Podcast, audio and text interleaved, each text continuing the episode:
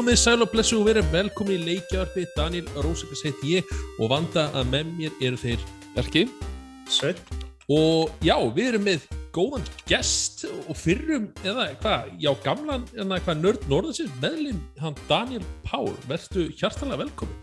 Já, það er hvað það verir. Við hérna Hvað- byrjum, já, fyrir ekki, hvað segir þið? Já, ég ætla að segja bara, maður reynir að vera meira.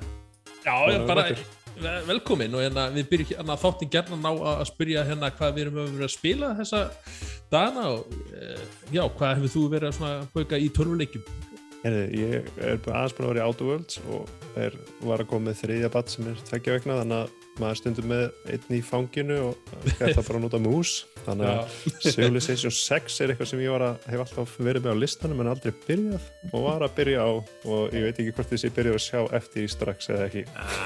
Áður vist að verður Að fattur á tveggjára og að borga Já. að byrja að kenna krakkan sne snemma um sögu og sakfræði og allt þetta Nákvæmlega. ég meina, akkur ekki bara strax ég er nákvæmlega. En þú. Björki, hvað hefur þú verið að spila? Herðu, það eru, það eru tveir leikir Það er hérna annars vegar Baldó sem ég ætla aðeins að tala um á eftir Já, og sem er bara, já, bara þokkalegur og svo 12 minutes sem að ég bara byrjaði að spila í gær og fór og vart seint að sofa því að ég bara gæti ekki hætt það var bara Ok. mjög, mjög spennandi en, en ég hef ekki náða að klára hann ennþá sko. geggjað. Ég held að við þurfum eiginlega að fá smá umfjallan með það því að hann er búin að vera svolítið á listanum okkar yfir þessu orðið, ekki? Svona eftirvendingar eða hvað? Jú, alveg eitthvað sko Nákvæmlega, við hérna fyrir kannski nánur í það eftir. En Sveit, þú hefur verið að, þú er potið búin að spila eitthvað. Ah, nei, ég bara fór út í bústa og bara skildi draftlækinn þetta heima líka Sveits allt saman, nei, líkurnar að það sem var að gerast er ekki miklar uh, ég er búin að spila svona sýlið hverju. Ég er búin að dú- uh, dúkla mér í Hades. Uh, ég kíkti á Psychonauts 2 sem var búin daginn. Fellum eftir. Ég haldi af með Mass Effect seríuna. Ég er komin í þrjú. Það eru blendan tilfinningar þar. Og síðan er ég búin að vera að kíkja á ég kíkti hans á Diablo 2 betuna á Xboxinu. Og síðan Quake endurutgáðuna sem var komið í stuttu fyrir PC og leikdælunir. Það er að segja, það er alltaf nóg að gera hér. Það er stoppar Klálega ég er hérna. ekki búin að vera að spila neitt. Nei, nákvæmlega, ég, hef, ég sjálf myndalisti hárrið ég sjálfur er búin að vera hérna í, ennþá í Infamous en að ég kallt það alltaf marathon ég hef verið að taka Infamous leikina 1, 2 og Blood og Fest, Festival of Blood viðbótina og núna er ég að spila hérna Second Son sem kom út á PlayStation 4 2000 Það var landsleikur. Já, akkurat Jú. Já, alveg rétt, ég var að glemma því Mm. hann er ákveðið skemmtilegur og feskur en svona já, ég ætla nú ekki að fara að gagna hann núna hérna því að þennan, þetta er frekar gammalt leikur enginn yfir áhuga á hann, nei, ég segi þannig Já, En ég hérna- hefði gaman á hann sko. já, Ég, ég, vildi óska þess að þeir eru gert annan sko að Playstation 4. já, ég svo fór ég Ghost og svo síma þannig ég sé ekki því Nei, nei, hvað er ekki að gera bæði? já, það, er samt, það er samt svakalegt með bara töluleiki hvað þið verða svona fljótt innan gæðslega bara úreldir sko sko, góði Tölvu- leikir fyrir tíu árum ef þú, ef þú spilar ekki þá og ert ekki að sækist Mm. þetta nostalgínu þá er svo margt sem er svo miklu betri í dag að hluti sem að bögguðu ekki fyrir tíu árum er allt í unni farnir að bögga þið sko. tölvuleikja sem media með að hvað segir maður hérna, hérna á, er að Miðlinn sem... Miðillinn bara svona- Já, það er það sem eldist hvað mest og, og, og verður úrelt bara með tímanum annað en, en tónlist og kvikmyndir. Þú getur oft hort á gamla kvikmyndir já, já Og en, en, en, En- þetta er bæðir aðgengil á netinu. bæði já en það er ekki það, það er bara, það er bara því töluleiki sko af því þú þarft að þetta er sko, þetta er svo interactive media fattar þetta, þú þarft að pers, þú þarft persónulega að stýra því.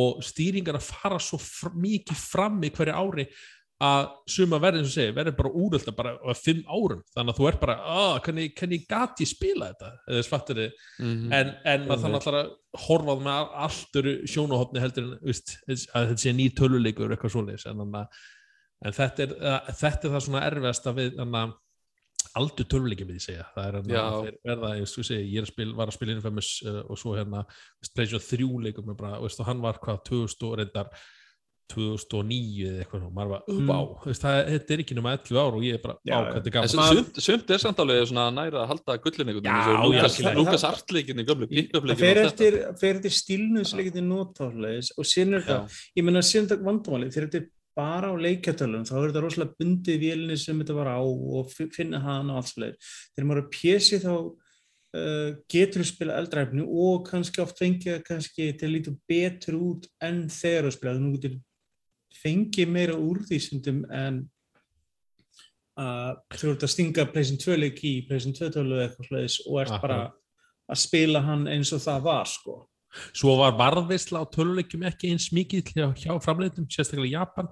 Við erum að Já, sjá það það er núna þegar stórt endur gera töluleikjum og það vantar source-kofan, vantar upprunna kofan til að Já, búa eða eftir vantar hennar. eitthvað, þið lendi vandra með uh, þegar þau gerir Silent Hill Já. þannig að hátíð útgáfana, það var klúður Já. hjá Capcom. Þeir nefnilega, þú veist, þeir bara að henda svo bara, svo bara við, það dætti enginn í hugum svona tíur setna, þegar við ætlum að búa til sama töluleikin aftur. Þetta er eins og gert við kvikmyndir, þú veist, í byrjun síðust áldar, þegar filmum og fleikt eða brent eða eitthvað, þú veist, maður bara hugsa núna, sko, hvað mikið glataðist.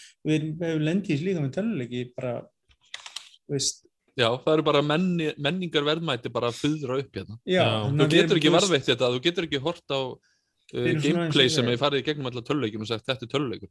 Þetta, þetta er myndband af einhverjum að spila. Þú Ég segi það, við berum henni yðna saman við kvikmyndarnæðin sem er eldri og hvar við erum stattir í þessari segi versus hvað kvikmyndarnæðin er og við með þá, það sést það mikið eftir ennþá bæði eins og Daniel Rosi kannski er að tala um að í Japan og fleiri stöðum og mörgum öðrum það sem bara, einmitt, mikið hefur bara tapast vegna þess að það dattingum hefur að passa upp á þetta. Sorglegt.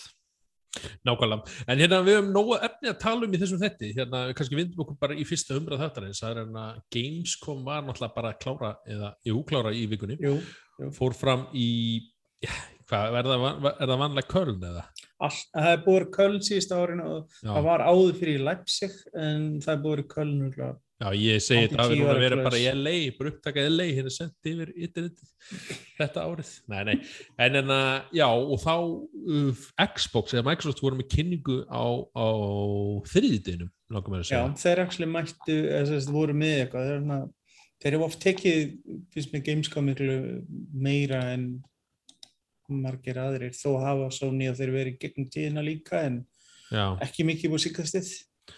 En svo var ég, ég var, var spenntur, ég var að mynda að hlusta um þetta með öðru eirun, ég var að grilla eh, fyrir fjölskyldunum og ég, vá, ég hefði, sko, hefði ég verið að horfa þetta í sjóðum, ég hefði sopnað, ég er ekki að tjóka. Það er, ég, ég var að velta fyrir mér af hverju þeir voru með þessa kynningu. Um, Hefur þú kannski vona að aðstæðna verið betri en raunbarvitni? já, ég var að vonast þessi ykkur fesku nýju, ykkur svona vantar Þetta, ég, ég held bara mandamáli, við erum núna komin til tímbilið þessum áhrif COVID Já, eru virkilega að byrja að sjást, ég nákvæmlega. það var ekkert að marka í fyrra sko, síðasta vetur.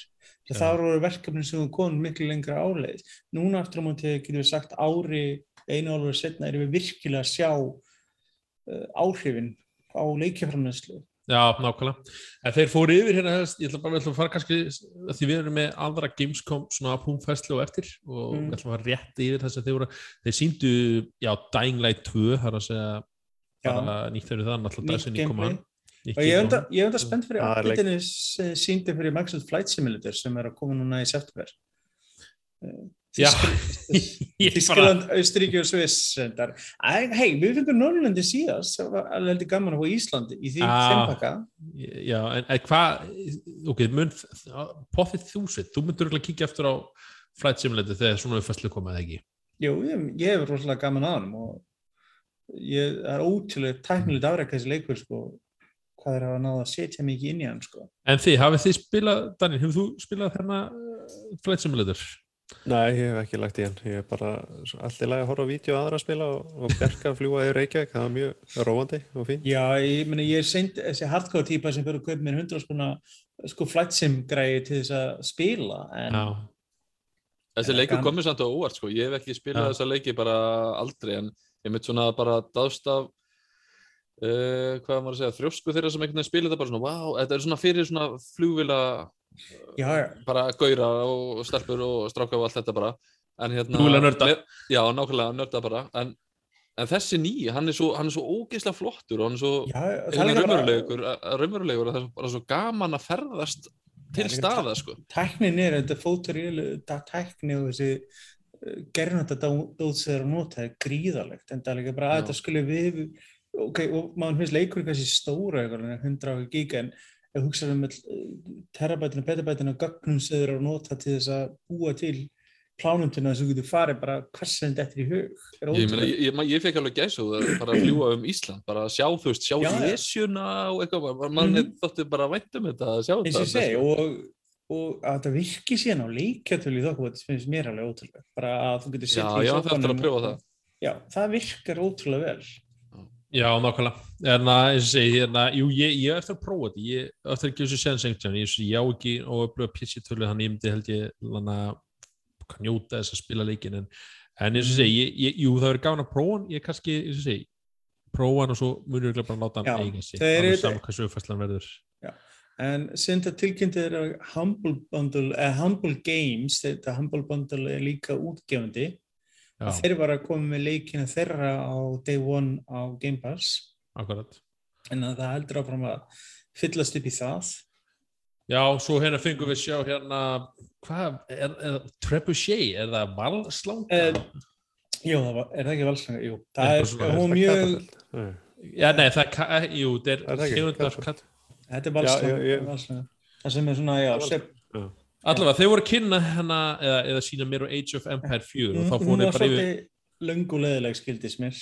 Já, þetta var bara eins og History Channel þetta var bara hvernig Trebuchet virkar það var bara Já, hana- þetta var svona, og þetta var chati líka bara ég veit ekki satt ykkur allt um Trebuchet eða veist valslöngu eða já, eins og segi já, en ég fannst uh, aftur á móti aðtíkisveit þetta að xCloud streymið þjónustan er, að- er að koma núna fyrir eldri Xbox-hlunar. Þannig að þú getur allir fara að spila nýjusti leikina á gömlu hardveri, alveg eins og líka á PC, geta streymt uh, nýja Halo leikin eða, eða, Forza eða hverju sem er einhverjum jafnvel leikin sem er bara á Xboxinu, getur Mhm. streymt til og upprunalega Xbox á 2013 eða PC, þetta er aðtíkisveit. ég skil að cloud gaming er að koma á Series X en á öru hinni voru af hverju?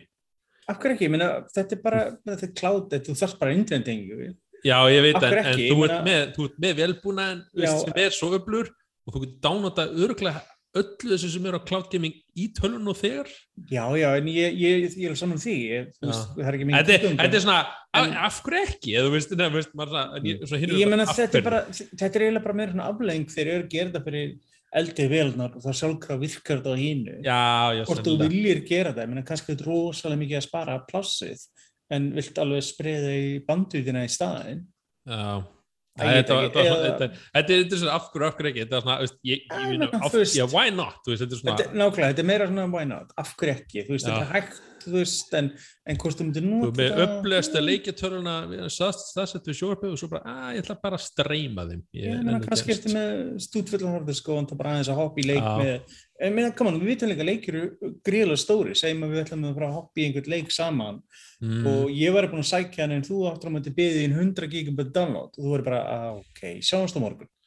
Akkurat, svo er að koma hérna nýja viðbætu fyrir Sea of Thieves, uh, Já, Wastelands 3 Já, State of Decay er að fá mér DLC Já, svo þetta voru svona eldri leiki sem er svona, herðu, ég verið með það að gefa fæslur og mér finnst ekki skondið að Crusader Kings er að koma á leikjartalunar. Já, Það er, ég, það verður geðu ekki eftir á móti. Ég skil Es- það minna en Flight Simulator stundum að það skulle vera að koma. Psychonauts 2, það kom náttúrulega svona útgáfu trailer fyrir hann Já, hann er þetta- er nýkomin út. við ræðum um hann núna á eftir þannig að við ætlum ekki eitthvað og svo var náttúrulega var Forza uh, Já, þeir eru búin að vera sína, döluður að sína úr leiknum einmitt, sem er ágætt. Forza Horizon 5 allir þessi ekki. Jep. og þetta var svona allt og sumt og ég var alveg bara svona hvað er Halo? hvað er, hæ? hvað er Halo?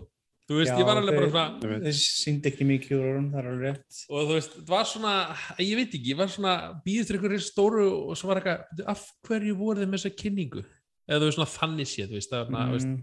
oft á tíðum væri ég bara, já ég veit ekki var- hefði verið betra að vera með ekki með kynningu þú veist, Ég vil alltaf fá eitthvað frekar en ekki neitt, sko. Ég meina, Já. þú veist... Já, alveg sammála því, maður tók alveg eftir því á í3, maður vill fá eitthvað allavega. Það er málið, þú ekki, ekki, ekki bara að taka Sony á þetta og bara halda kæfti og bara síðan annars slægir segja eitthvað eitt, tvo hluti. já, Það er svolítið áhugavert að taka ekki veist, heila franchise og virkilega halla sér á það því að það er alveg svo Já, ég held, Sterkur- ég, ég held að sterkur þeir eru bakgrunn. rosalega híkandi eftir í fyrra. Þeir vilja einhvern veginn vera bara, þetta sé allt öðrugt þegar við sýnum þetta. Ég býst er- alveg við við fáum dítelur kynningu og leiknum fljótlega. já, hann að, þó að sé ekki neitt spoiler við umræðin, umræðin eftir, þá náttúrulega var Halo tekin fyrir í henni kynningunni sem var bara, byrju, þið voru með Micro Xbox kynningu en þið ákveða að spara heil og fyrir heila kynninguna. og þeir eru nýbúin að vera með opna uh, lokað betu fyrir fjölspilinu og stefna á fleiri. Akkurat. Þannig að þeir eru að rampa þetta hægt rálega upp mm -hmm. svona þeir líður á Akkurat en við fengum, en við fengum útgáðdag 8. desember Já, það er eins og segið, það fylgir henni kynningin sem hérna þannig að ætlum að fara yfir eftir smá stund mm. en rétt áður við en að rennum við það þá fór, hvað fóruð þið ekki saman Bjarki Sveit, fóruð þið ekki á Arína á Eh, Íslandi? við, við þrýrfórum, nafniðin búið komið Nú, ok Já, hann ákveði að skella sem við Já, þú varst Þessu er nýr Daniel á hófni, þú hefur verið með í þessu Daniel Þú, varst upptökin, okkur vandaði Daniel við erum alltaf að einhver Daniel í svo Gekkja, þá allir, takkið þið bróði ég hérna, endilega, já, Bjarki hvernig var þetta allt saman? Herri, já, þetta byrjaði nú frekar lúðarlega þegar að, hérna, ég var að ringja og láta vita að vera mætt. Þetta var nú, að- ég fekk alveg auðlarhöll niður í bara tær, sko. Bara að ringja og láta vita að vera mættir og kíkja á þetta og bla, bla, bla. Já, hvað eru þið? Ég fyrir framann, var bara í turnunum, þú veist, aðal innganginum. Svo koma, koma þér hérna eitthvað, hvað, þreim mínútur setna og eitthvað, uh, Bjarki, við erum hérna hliðina, sko. Og það var svona risastór, búið að merkja rosalega vel alveg bara í, Ég- sá merkingunni. að- Þannig að- þannig að þetta byrjaði ekki vel sko. En eh, jú, eh, þegar við vorum komin inn og fengum kynninguna þá bara í rauninni vorum við bara að halda uh, kjálkanum uppi á okkur öðrum því að þetta leitt mjög spennandi út. Það það átti eftir ennþá að gera töluvert, það var, ekki, það var engin tölva þarna en, og ennþá var að búa til sófana og setja upp sjónvarpinu og allt en þetta. það er bara það sá- eðlilegt samt við svona Já, já, já. Ég, ég, ég segi, sko, ég, maður hefur stansett vestlanir og dót og þetta er, allt, þetta er allt í rúst alveg þangað til blá endan sko. en allt sem við fengum að heyra það lúkaði bara mjög Já. spennandi þannig að byrjar á því að lappa inn hérna og það er hérna veitingahúsið eða það ekki sem tekur á móti manni Bites Jú, það er, já það og er og þar verða hvað var það ekki fimm svitstölfur minni mig og fimm sjónvarp á veggjarnum þar? Með minni það. Allavega var allavega fimm sjónvarp og Af hverju? uh, fyrir í rauninni pínu Af pæling hverju? eins og þegar hamburgerfabrikan var muniði þá var hérna á krakkiðin eitthvað að bögga hérna, Sjónvarp- já, hérna, hérna er eh, sjónvarp en með Switch að þá basically getur fjölskyldan farið að spila uh, Mario Kart á meðan það er að býja eftir Magnús. Þá var finnst- loksins eins og Nintendo auðlýsingunni Yep. Að Fyrsta sem að- rooftop og spila sitt vonandi, saman. vonandi verið jafn brósandi eins og ylsingunum Já, ég segi það. Mér finnst þetta geggja sko. Já, þetta, minn, þetta minnir mig pingu á þetta ég var að lesa já, gamla greinum sko, hérna, það var einhver staðir sem heitir vildi, trillti villi eða eitthvað líka á Íslandi nafni það var svona- já, það var, það var gaur með þann stað sem var svona flytja inn uh, spilakassa. Og var bara, heyrðu, þetta er það sem er að gerist í bandaríkjum held ég á áttunda áratögnum eða níunda uh, snemma á níunda eða eitthvað. Ég- og það var svona þetta að byrja á, á, á restaurantunum í bandaríkjum að það voru að detta inn spilakassar þar fyrir mitt fjölskyldina til að spila á meðan sko. þannig að það verið mjög áhugavert að sjá þetta. Og svo þegar maður er búinn að lappa í gegnum þar að þá hérna tekum við bara svaka stort svæði hérna held að við verðum að tala um 1100 fermetra var það ekki, allavega heimasíðun eða það er að stendu það? Jú, það er alveg gríðilega stórt. Það er mjög stórt svæði og bara virkilega flott. Og þar er, er þetta að finna bara eitthvað sem að hendar öllum. Það er að segja, þú veist, það er eitthvað það er PlayStation 5 svæði þarna.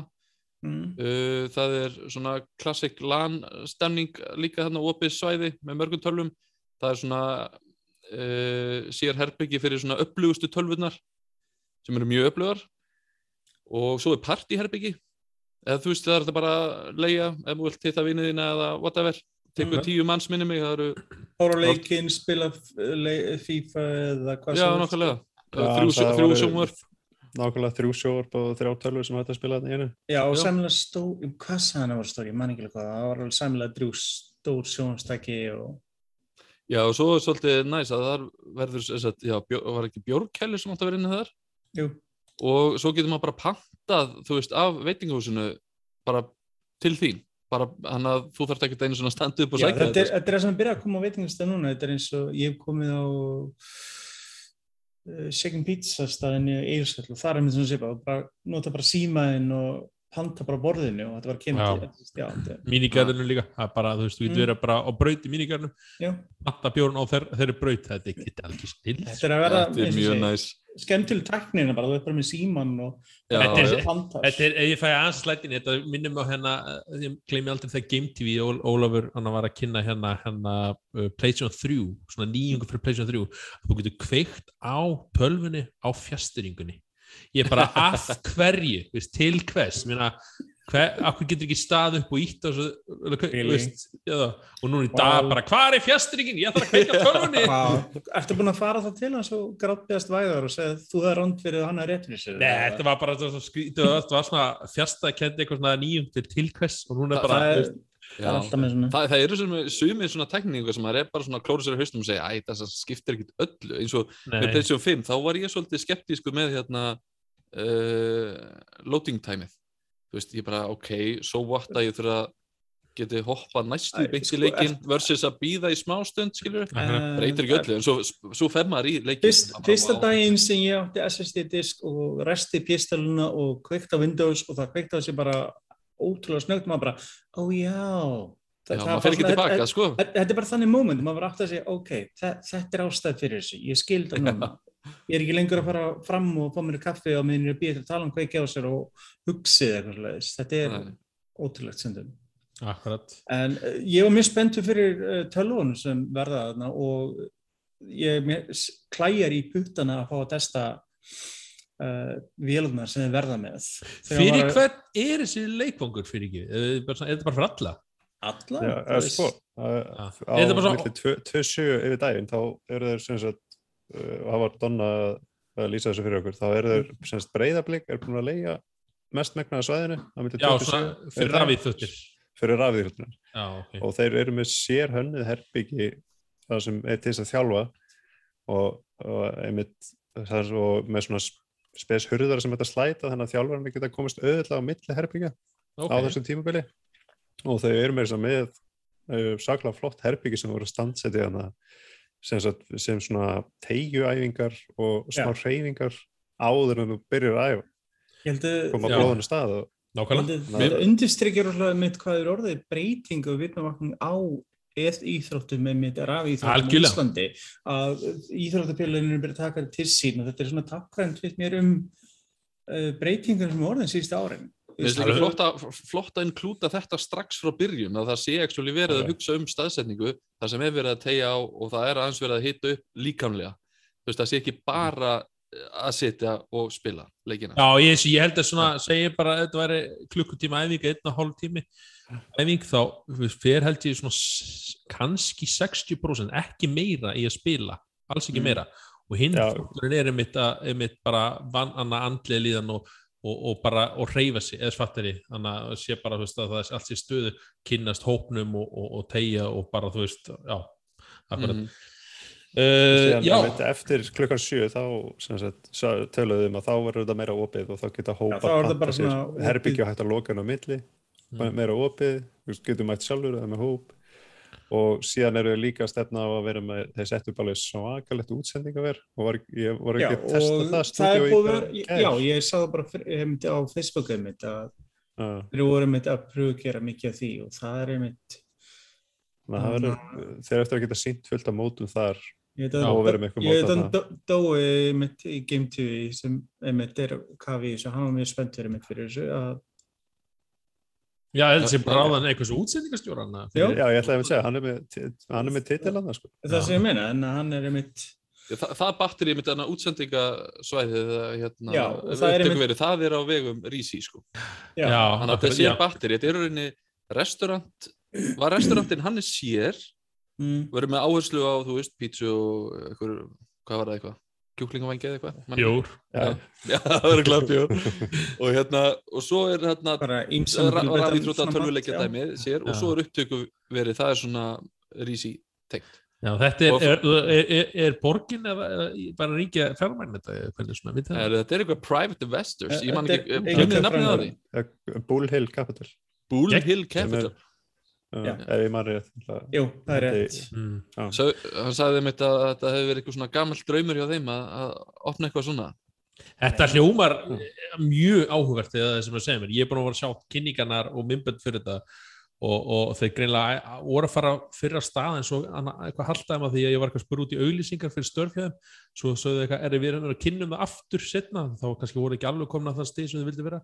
Ég meina það er líka bara hvernig ég er bara ástandi í þjóflöginu bara er þannig að það er erfitt fyrir retta ímsum Já, algjörlega, það verður svona, fyrir hópefli, það verður gaman að eins og þess að kynna þetta ég veit ekki akkurat svona, ég, sé akkurat einmitt típa til að, kíkja, hver veit veist, þannig að kíkja hana, ég fór að hugsa hvort að game tí útsendingarna, hvort að það veri framtíðin verið þannig, en hugsanlega Ég meina, kannan ímyndaðir bara að var að borða og fengið eitthvað kíkt síðan í og sem að ég líka svolítið að hugsa er hvað þetta er komið næs uh, dæmi þarna sko að því það er smáralindin sem er hérna hliðina og það er komið smárabí og þú ert með skemmtikarn og allt það sem er alveg flott og stort batteri þú veist þarna uh, með leikjakassin og allt þetta.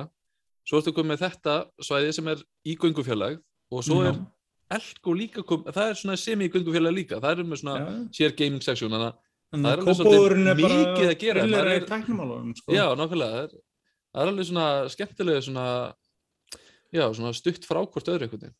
Mm -hmm. En mér finnst líka með upptökuverið, mér finnst rosa flott þetta stóra gler hérna eh, glukkin á milli. Það getur fylgst með þess að spila og sé hvað er gerast. Já, mér finnst það að lúka mjög spennand út. En ég held að þetta, einmitt hérna, ég held að þetta partyherbyggi bjóði alveg upp á mjög skemmtilega hluti sko. Hvað var hann ekki að tala um að 14.900 klukkutími minni mig? Já. Ah. Fyrir þá hópaði bara fyrir það sett fyrir, fyrir klukkutíman sko, en, en já, uh, tíu eða fleiri þá er þetta ekki neitt sko. er, Nei. ég segi þetta er enga stund að vera já, slá nokkuð slá saman og þá er þetta bara ekkert mál. En hafið þið nýtt ykkur einhvern tíma Ground Zero? Herðu, ég já, var eiginlega bara með lögheimili þar. Já, já, já Þú ert svo, svo ungur en Daniel 1 Hef, Hefur þú farið í Grand Zero? Já, já auðvitað ég farið í Grand Zero. Hvena fórstu síðast í Grand Zero? Kymur við spurningum tvö. Það er einhver ár síðan en þú veist það er eitthvað áður fyrir þegar nettingingar voru ekki góður og er í dag þá einmitt Nei, ég er, ég er alltaf miða við alltaf tíminn Ég fór senast í mæ á, á Grand Zero á Grænsós Okay. Þá var ég að fara hérna með töluleikjahópi minn sem hefur verið með í FA og þá var við vorum að taka svona sessjón þar og ég hef sjálf ég... verið drepin jafn oft í einum leik. Counter-Strike sko. Já, ég svo segi, maður maður maður, maður vil eftir að lana og Þar eru líka rafítrútalið að æfa. Já, Já. og það er þannig. maður er myndið búin að sjá þetta bæði hérna á höfbruksæðinu og utan við þessi veitindaukning á þessu mm. og það er mjög gaman að sjá einmitt samblönduna af íþjóttafélagunum og rafi íþjóttdæminu saman Já. í, að vera að vinna saman í þessu. Ég, eins og þeim, svo hlustundir bara hafa hreinu að, að mér finnst það algjör byrjandi, ég er bara svona varpa svona spurningum, veist, fyrir hvern er þetta og hvað, þetta, ég, ég, ég, ég á eftir að nýta með, eða það að kíkja á þetta Þetta sko. er hjút slutur erlendis, það er líka margir það er sem sem hafa ekki aðgang að tölvum, almennilegum tölvum Á Íslandi? Já uh, á Íslandi. Og ég líka bara þægilega, ég geta fara að sess niður spila í PC eða nýjustu leikina í ótrúlega góður tölvu sem bara miðlur allt saman í staðin fyrir, já, bara heim og grátiður að þú er í gamlega skjákvort vegna þess að það er ekki týrin sem þú kaupa og þú veist, já, ég gæti verið að það þurfti að leita á mér þegar ég fer út vegna sem ég grunna að ég mun alltaf reyna að lappa út með eitt talukassa eða skjákorti Já, þetta er ekki svaka greið, þetta er alveg eiginverð og hérna. Já, Alveg bara toppurinn og þetta er bara virkilega, þetta er future proof hérna Þegar hann, hann byrjaði að tala um spekkan á talunum þá byrjaði ég að slefa pínu og bara Fórstu í yfirlið þarna bara? Já, ég pínum, ég langaði að byrja Andi Brúnum Brepploka tímbili á gleði, sko, vegna þess að nörda hérsta að mér var að hafa mjög gaman að þessu. Þeir hérna Já, akkurat Ég, ég myndaði mig bara ef ég hef verið að tala við kunningja mína þegar ég var, við vorum táningar og vorum að burðast með tölvunar saman í félagsæðimili heim og þetta landi til að spila Counter-Strike gamla og á, þú veist tengdum tölvum öllum saman með einhverjum crossover-köflum mhm. að sagtu þau, heyrðu, svona staði verið til í framtíðinu þess að við getum bara farið, sest nefnir, spilað og bara fengið okkur borða, ég held að það liðið flest alla, sko. Akkurat, nákvæmlega. Og þetta hérna, eh, viti hvernig þetta formul opnar? Það er ekki komið formlegur opnum tíma. Byrjun seft líklega stefnaður á. Það er að stefna á bara, já, fljótlega eftir mánuðamótin eitthvað tíma.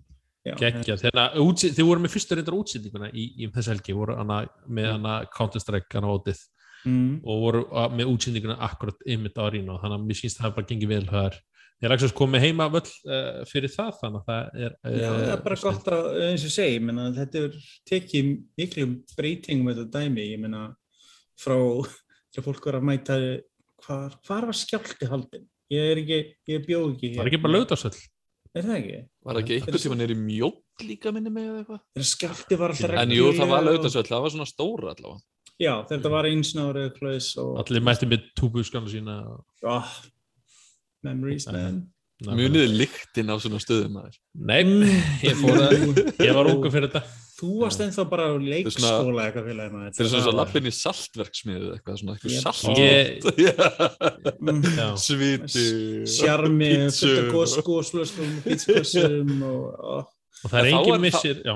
þá er ekki verið að horfa eins mikið svona rafíþróttir einhvern veginn sem rafíþrótt heldur það að meira bara svona að keppa í leiknum. Hver myndi Ma, sigra þetta er nokkar sem tók þetta og búið svona alvarlega og jafnvel keftu og var keppast skjálta en það náðu ekkert mikið meira bara eitthvað innan. Nú er þetta alþjóðlegt og með tilkomum bara eitthvað netteir í dag Magna hvað búið að þróast mikið og breytast á bara örfa um árum eitthvað Já.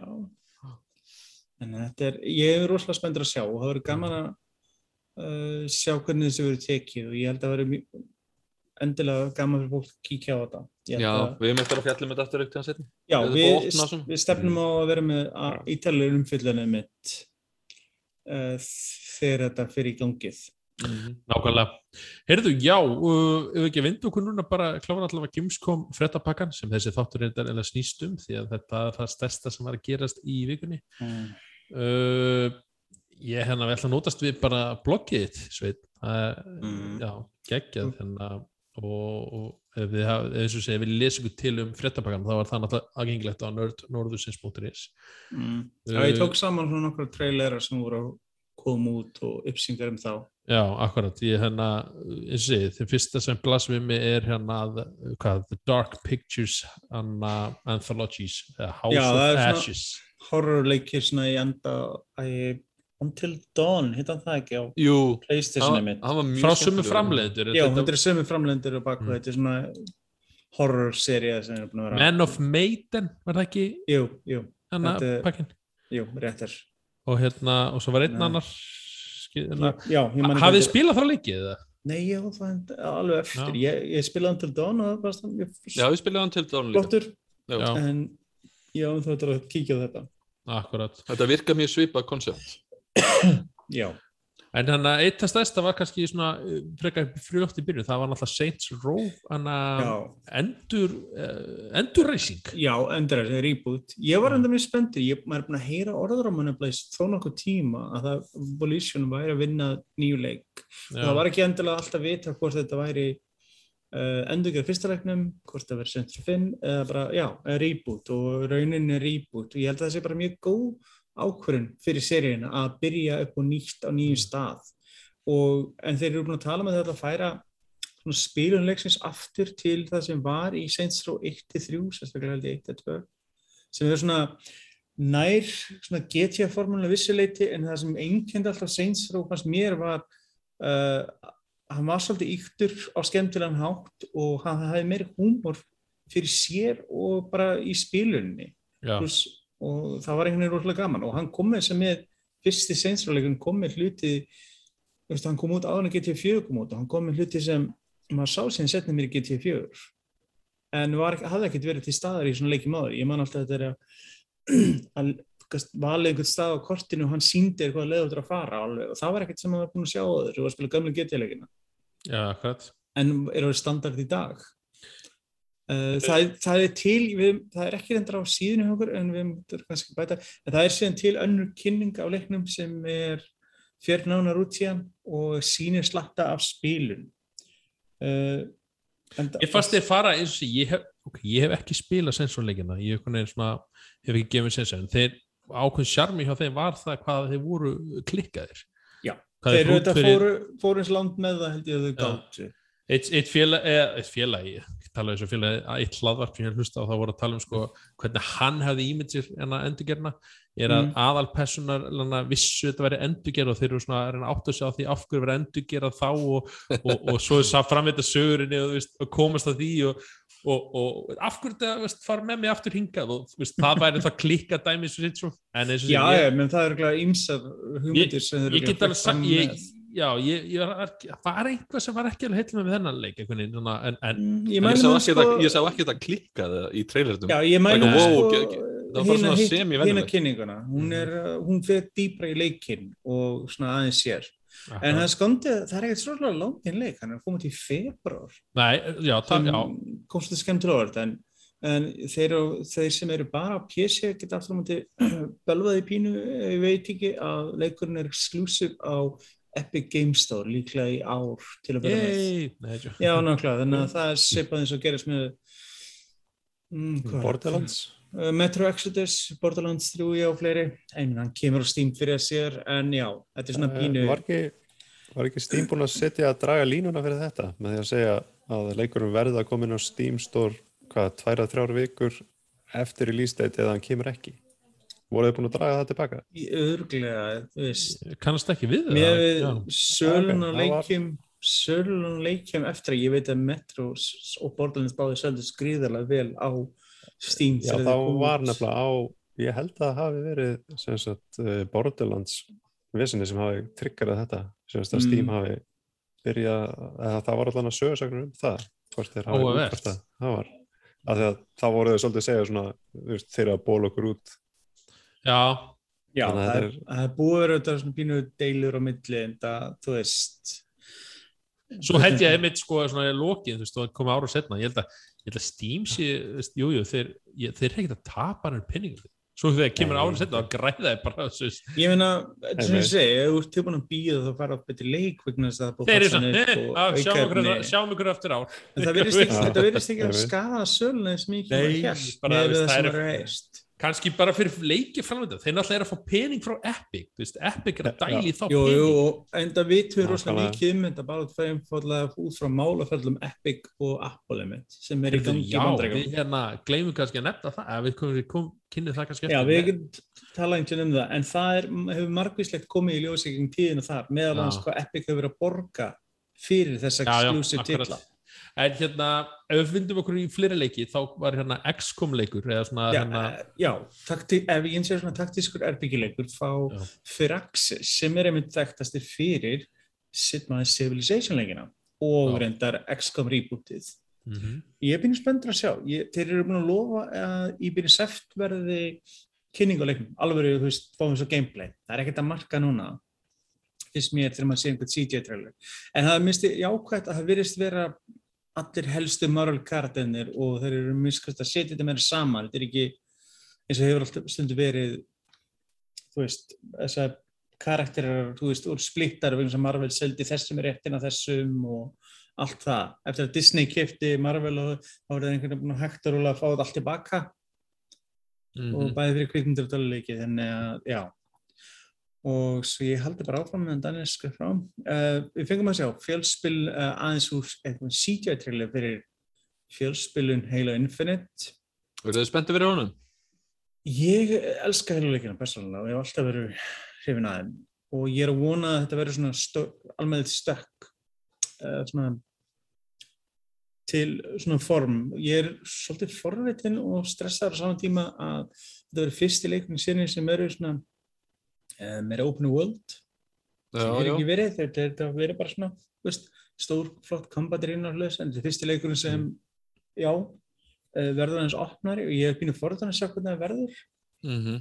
uh, Já, ég spilaði Halo 3 alveg slata og Halo Reach ekki eins mikið en alveg mikið sko, en dætt sér hann út. En þetta geta alveg verið leikurinn sem drefum aftur inn í Halo umhverf Já, og ég er sem segi, þetta virðist vera að serið verður réttri leið og ég er svona krossleika byttan að, að komi ákveld út mm -hmm. uh, síðan fengum við að sjá uh, gameplay kynningu úr Call of Duty Vanguard sem er líklega með þeim verri geimdu leindamálum síðustu mánu ah, Að það komi nýr Call of Duty leikur hverju ári?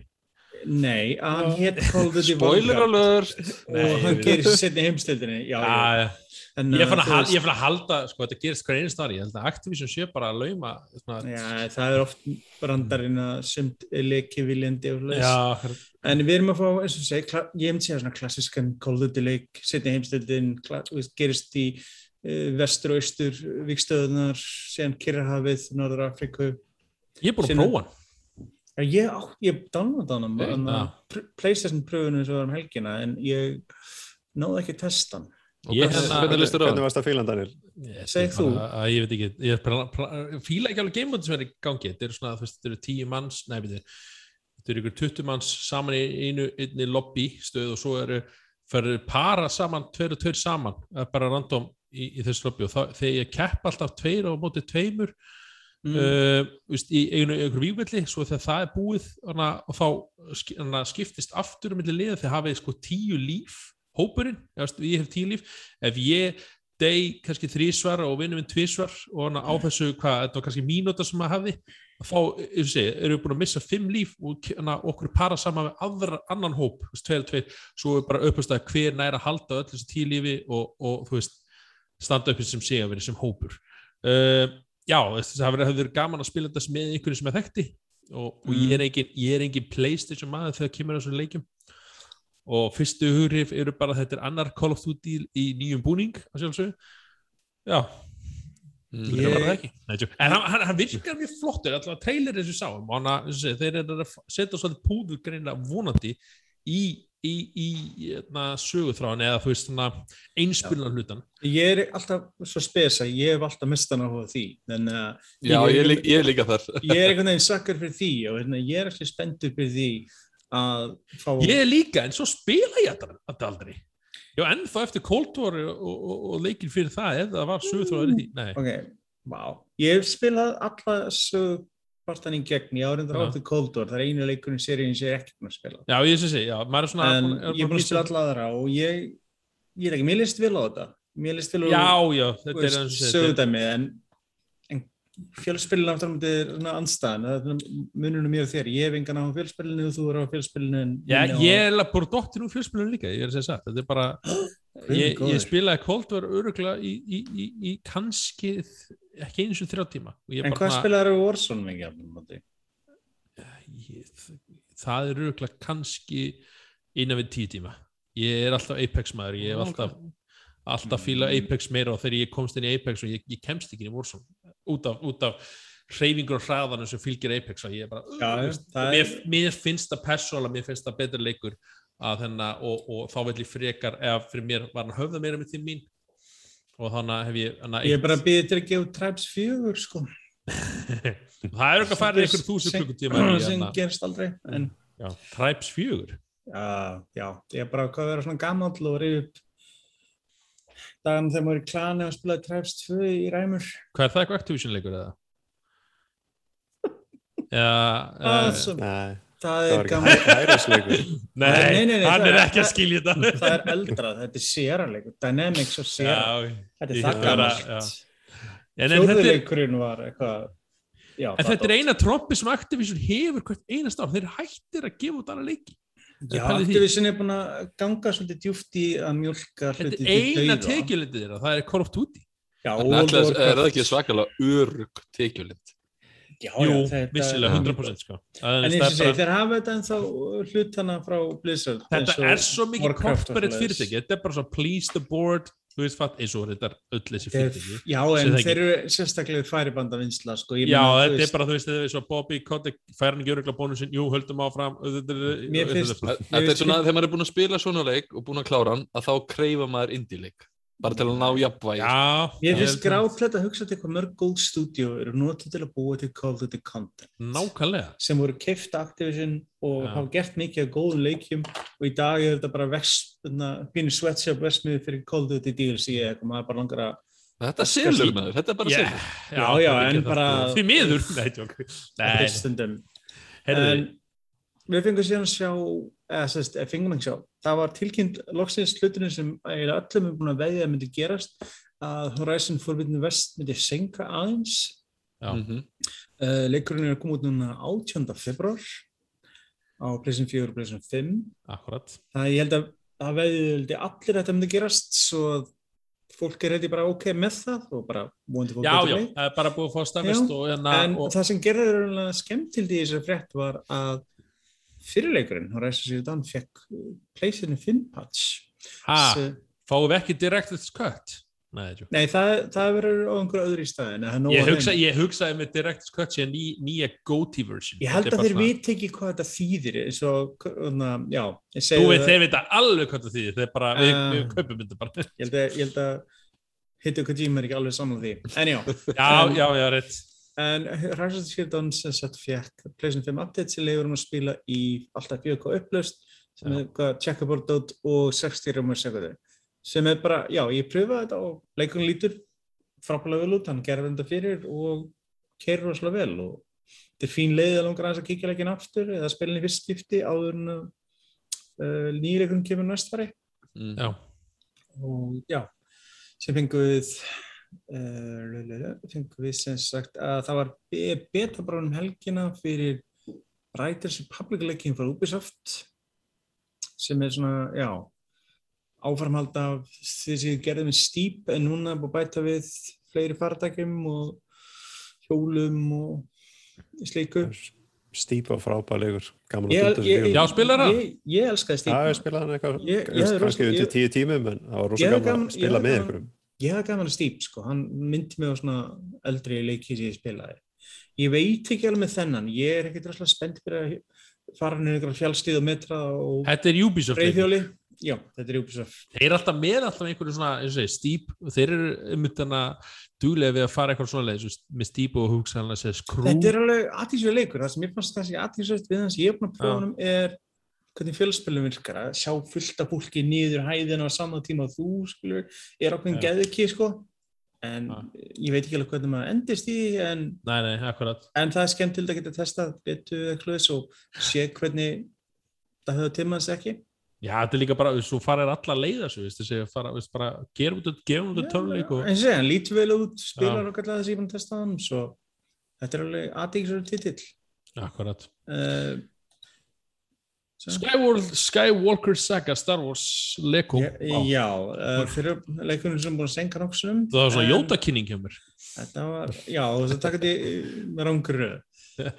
En já, nýr starfsleikuleikur sem, já ekkert grámbreyging þar, þetta er svo klassist það verðist svo... aðeins vera meira svona, þeir mistir loksins aðeins uppfært tekkið á bakveita og held ég, já. en annars er þetta bara já starfsdæmi sem út spila gegnum nýju sögur nýju myndana sérst, nýju mynd, ekki nýju já, allar nýju starfs allar nýju starfs myndnar það hljóma ekki byttur nei, ég pínuflækja, en já, þetta er leikur Star Wars ég menna þið veitir hverju ganga, þetta er frábært að verði krakka og... Nákvæmlega, fínir leikir og svona, þú veist, já, að, það er satt bara... ef maður er að spila alltaf leikur, leikurleikina þá maður nú kannski komið svolítið ógeða einhvern veginn af þessu repetitive gameplay sko, en... Þeir mætti aðeins, já, friska upp á spilunna Ég held að þetta sé bara mitt fyrir nýja og nýja kynsluð alltaf Já, maður ma vil líka velur ef það er eitthvað svona, eitthvað bíómynd sem maður elskar ekstra mikið, þá svona kaupir maður leikurleikin á honum eða eitthvað, eða krakkarnir Ég, hérna, ég spilaði ekki leikuleikina eða starfsleikina en ég er, er sem er smitt fyrir þessu. Ég spilaði mm. nokkra og ég spilaði með, með dóttir minni þegar hún var lítil og spilaði við eitthvað starfs, einhvern leik. Var fínt fyrir það sem það var sko. En, já, en síðan fengum við að sjá meira úr uh, leiknum frá Amazon einmitt, skilti að segja það stundum. Amazon Studios, þeir eru að gefa út núna í september MMO leik sem heitir New World Svakalega flottu trailer með þér. Já, þetta er, rosalega flottu leik. Ég veit bara, ég veit ekki, þetta er búin leik sem búin að ganga gegn svona smá stragl og fólki búin að býna hrætt í öðnu vegna þess að þegar svona tæknir eins og Amazon og Google fari dabla í leikjáðgáðu þá hefur þetta gengið hingað til ekkert rosalega vel og mörg stúdíu hafa raunilega bara, eða margi leikir hafa bara dáið á þau kemur út. En þeir virðast alltaf aðeins leikja með þeirra búið í þetta En minnst eitthvað verður það verið ópinn betaverleiki 9.12. á PC, þannig að fólk getur minnst í pröfuleikinu. Ég ætlaði um að kíkja á hann og sjá hvort þetta sé eitthvað aðtíksið ekki. Mm -hmm. Leikurinn sjálfur kemur í lók seft 2008. ef maður rétt. Jú, passar. og, en já eins og segið MMO-leikir eru, það er ekki droslega margir leikir í gangi minna, í dag er þetta bara, þú veist, þetta er World of Warcraft, þetta er Final Fantasy 14 þetta eru svona tveir stæðstu MMO-leikirnir sem mm -hmm. verður spýtað svona um flesta og sérnur þetta eins og aðri leikir, Eldscrolls Online og fleiri svona slatti leikir sem eru líka til staðar að ég menna alltaf gana að fá fjölbreytni og ég menna það sem kannski hjálpa til með þennan leik er verðist það aðeins öðru í þessi sögur sem þetta klassiska, fantasíu eða eitthvað slags en já en ég veit ekki mm -hmm. þetta er forðanlegt með svona, já skoðum þetta náðunar getur við sagt. Ég held bara, ég er ekki eftir að þóra snertan að leik með flagstöng bara eftir að hafa verið lifað í gegnum World of Warcraft þegar hann kom út Já, ég, hver hefur ekki átt nokkra mánaði ára crack og kein tímabil sem heitir World of Warcraft? Ég þurfti að rýfa þann ávana að hætta hann um sín tíma líka sjálfur. Já, þetta er svolítið svona að þú ætlar að prófa en að gæsa alveg á svona leiki, þú veist þú getur ekki bara eitthvað, ég ætla að búa til karakter og það var ég búin að prófa Já, þú þarf að vera tilbúin svona þetta er pínu bara, ok, ég ætla að fara í sjálfbóðastarf uh, í sex mánuði, ég skrifa undir hér með. Ég, þetta er bara svona skuldbytting að fara einhvern veginn í þetta. Ég tók sex mánuða tímabil í World Warcraft þegar það kom út og ég hætti þess að ég hugsa mér ef ég hætti ekki að spila það enda í einleipur og býja göttinni, en að mér langar það ekki alveg, svo ég ákvaði að það verði ekki gáðilegt að spila lengur. En já, en ég segi, svo ég hleypir hraðra yfir það sem var sínt svo ég get svona haldið á dampi. Uh, fengum við svo meira Age of Empires fjögur, fengum við svo svona gameplay og units ekkert trebuchet þar? Nei, uh, fengum við svo meira og Far Cry 6 sem er að koma út í oktober ja, þetta var cinematic trailer bara já, uh, þeir eru að halla sér djúft í að vera með leikaran Giancarlo Esposito sem mondakallinn Svo þeir eru að nýta sér það alveg. Ég hef sér búin að sjá bara nógu Far Cry. Já, ég er góð. Ég er alltaf spilað þegar hann kemur út og það er nógu fyrir mig. Uh, Valheim, indileikarinn sem er á PC, mm -hmm. er að fá update núna í september. Það sem verður fóksað á húsbyggingar og eldun meðal annars. Og síðan þetta var meira sínd úr uh, illa nefnda Director's Cut af Death Stranding sem er að koma út núna í meira sínt, það voru 8 og mínútur og 51 sekund smá teaser, smá teaser throw me a bone! Kojima verður þess að umbreyta Death Stranding óbeint í já, það var, það var svo skrítið. þetta er leikur sem er að koma aftur. Það er svona mm -hmm, góti útgafu að má segja. Sem uh, er næri lagi myndi ég segja fyrir að direkta skatt sko Já, þetta er bara svona... Líka direktors kott, ég meina hver var að Nákvæmlega, gera leikin? Þetta er aðeins öðruvís með direktors kott. Hans stúdíu og hans... Nákvæmlega, það sem ég meina, þetta er ekki saman með kvikmynd þar sem stúdíuði klippi myndina þennan til og þú fyrst ekki ráða þannig að þú bara gerir þetta aftur setna og það er þitt gæt. Þetta er ekki alveg saman baki. Nei, þetta er svolítið mis, misnefni en þetta er eitthvað trendi dæmi sem Sony verist að nota fyrir bæði Death Stranding og Ghost of Tsushima Mm -hmm. Þeir, þeir greinlega velja leikinu mitt þannig að hverjir, eða svona hverjir fá þennan titil ja, Ég forðan að segja hvað eru næstur á, blæði hann, það er það sem ég ég, ætla að mér langar sér Last of Us 2 mm. að hann kemur út á svip, sama ári svipa leiti sko Já, já, þeir uh, eldur útgjóð hann Já, sko. uh, veit ekki með God of War uh, áður en kannski God of War kemur en því að Nei, já. við fáum þetta Ragnarok og næsta ári vonandi en uh, já, en eins og sé þetta verður svona, þetta verður að kynna en, hérna featura í leikin þú voru að gera boring leik aðeins svona betri, eða fattið, það var alltaf komið núna, vélminni sem getur lappa með þér stað, ég er bara okkur var þetta ekki til í gamla leiknum? Það er hægt að segja mútið þetta næst í leikurinn spilast í sjálfur fyrir vikið, sko, en sko ég er ekki Ég fannst þetta sem fýll leikur sko. Já ég líka, ég meni ég gaggrind hann Fýll boring leikur. fyrir... Þetta, þetta er samt fýll leikur en það er samt þannig að ég myndi ekki spila hann aftur. Já, ég er, ég er samt að... rosalega forveitin einhvern veginn með þessa uppfærslega að því sko þetta kostar 10 dólar að uppfæra. Ég bara Sem er reyndar sangjarnar en þú veist maður stanna Ég, ég hafði gaman að leiknum en ég er líka Kojima fanboy. Ég skal bara viðkynna það reyndum með en ég er miklu meiri sakkur fyrir Ég taka fram að ég klára hann og ég platinum hann tók mig 50 tíma að klára hann og svo tók maður aðra 50 tíma að klára þú varst Vel það gert. ég ger ekki einu sinni sko. Ég? Nei, tjók. uh, Klálega ekki að tíma með tónaði barni Nei, nei, hárið. Það var svo rétt fyrir jól og ég bara, yes, ég búin með hann. En eins og ég, ég fór til að kíkja hann aftur ég hef, gaman að hann en þú veist Þetta er svo fyndið að sko, þetta hafi bara sko, einhvern veginn, sko, he- hefði einhver annar á Kojima komið þessu hugmynd, þá þetta verið, verið svo fellt niður, Mm. mm, Já, hann, hans nafn gafur svo mikið séns fólk Já, svo mikið Já, af og, og, hann- og ekki meira það því að það er búið að kynna, veist, það, ég held að koma ekki nummer tvö, Sony hefur bara ekki áhugað því sko, út af þeir náttúrulega eru farnir og höllast það bara sölutölum sko, Mhm. Og já, ég er ennþá að horfa á þetta, veist, þetta er bara svona, hann er ennþá bara að byrja að pakka millir staða og já, mm, eru seldist þessi leikur í meir en 5 miljum myndtaka. Ég veist, það þeir töpu ekki á hann sko, Nei, nei, en- ég bara sagði, þú veist, 5 miljónir myndi ég segja ekkert slór sko nei, alls ekki, ég myndi ekki segja það heldur, Já, og, og það er náttúrulega með PC sölutölum Já, eh, það er með já. PS en getum giskað bróðuparturinn af þessu samt er að pleysa Já, alveg 100%, svona örugglega 80% eitthvað. En með þetta er einmitt samt það sem við vorum að tala um líka rétt áðan með hérna uh, með Call of Duty og var svona "Æ, aftur same shitið hérna í gangi Mhm. að þú veist þarna kemur allavega þarna er eitthvað að vera að prófa eitthvað og gera eitthvað svolítið Já, skrítið já. og það er málið, skilur því, það er, í- maður, við, við höfum gaman að því, alveg eins og við spilum einhverja indilegi og við langast um að spila eitthvað, þú veist, öðruvísi en bara þetta klassiska formúluna, þetta er svo FIFA, það er gaman að FIFA alltaf leiðis, en þetta kemur ykkur í einasta ári og breytingin er rosalega lítil og um þetta getur ára. þannig að ert ekki þú veist að missa yfir og getur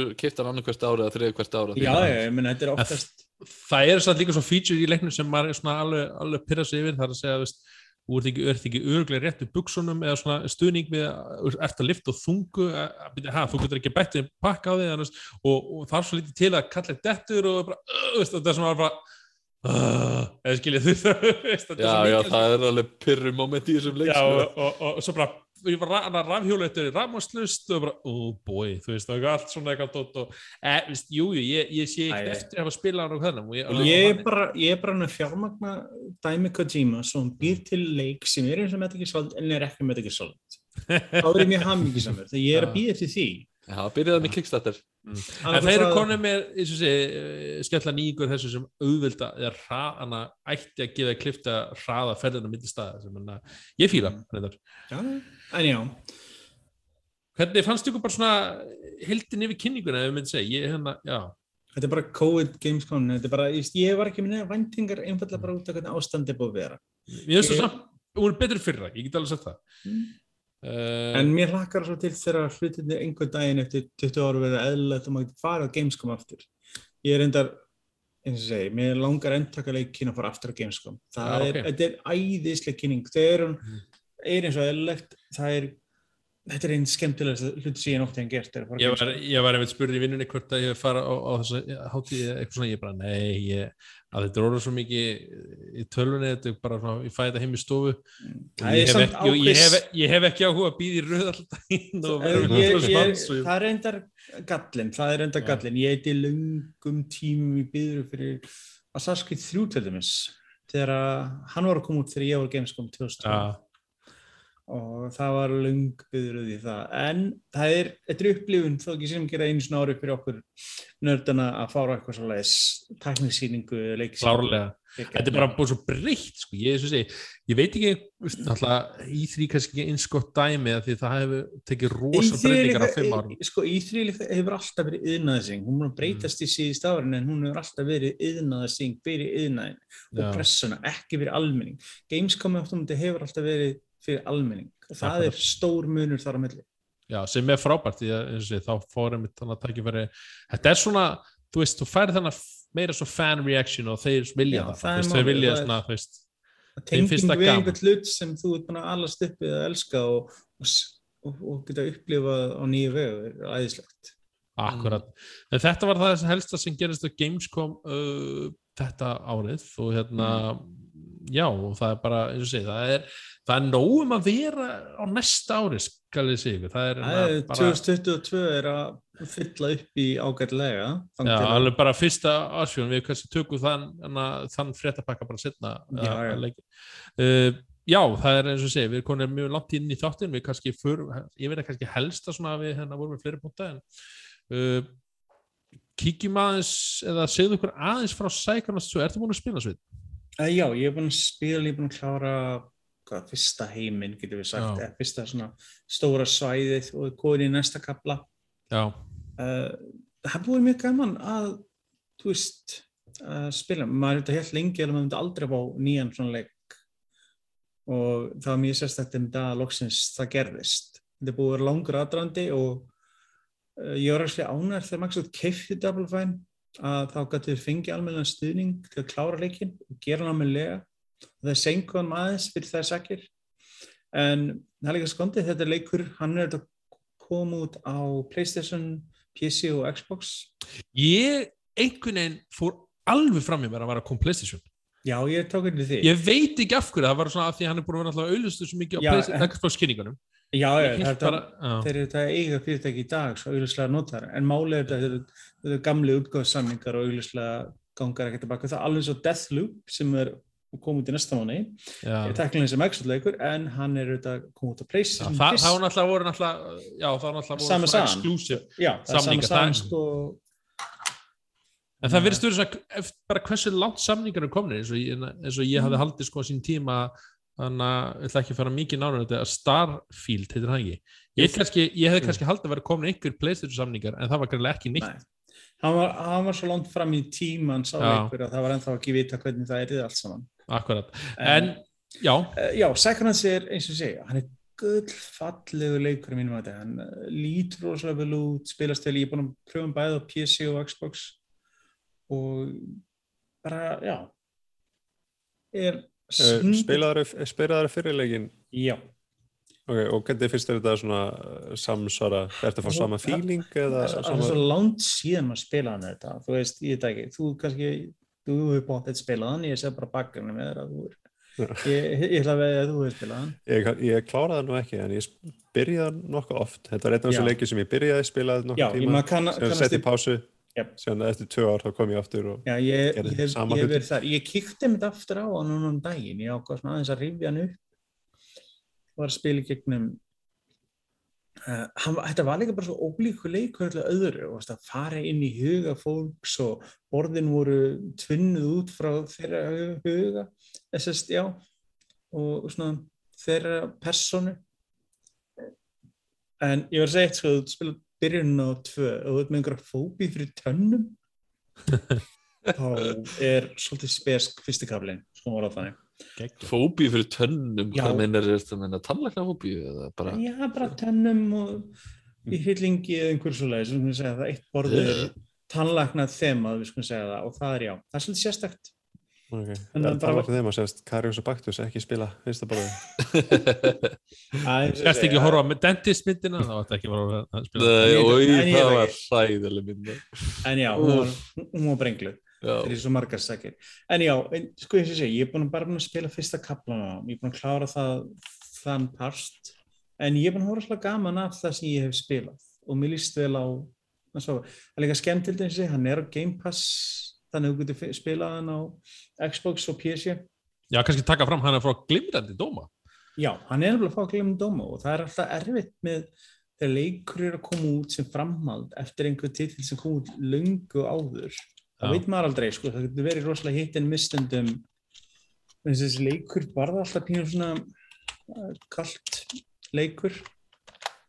Og þannig að maður var aldrei viss sko uh, hvernig er þið með framhaldið sko.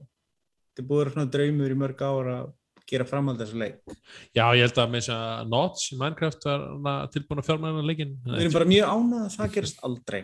Með hvers konar einstaklingu sári er búið að reynast vera Já, já, við ætlum ekki að fara til það nýtt nei, en, já, að, en hann var mitt crowdfunded þessi leikur, það er líka spilar inn í held hann kom út. Já. og, og fikk hann að fundið, það var Já, svona, þú veist, já, það er- fjárfest í reynum yes, það er nefnilega spilar inn í þetta alls Já, þannig að það var svona að, það var ekki bara hann að þetta er aðeins öðruðsi heldur en að Kickstarter. Eða þið voru náttúrulega, fyndið því þið byrjuðu náttúrulega Kickstarter, byrjuðu trendið á hérna, leiknum, mann ekki hvað hétt point and click leiknum hann að Broken Age Broken Age alveg rétt, Yes. svartinni og hann að svo hérna farar í, í, í, í þetta þannig að prófa eitthvað annað en svo nú bara búið að kaupa það þannig að þeir eru aldrei í fjármálavissinni bara sem eftir, eftir En það er líka það ágætt vegna þess að miða við vandamáli sem var Það þeim eru breytt í. Halo Studio og framlega Halo Content. Já, þeir eru Já. breytt í Halo DLC það er einmitt klálega það sem er að gerast.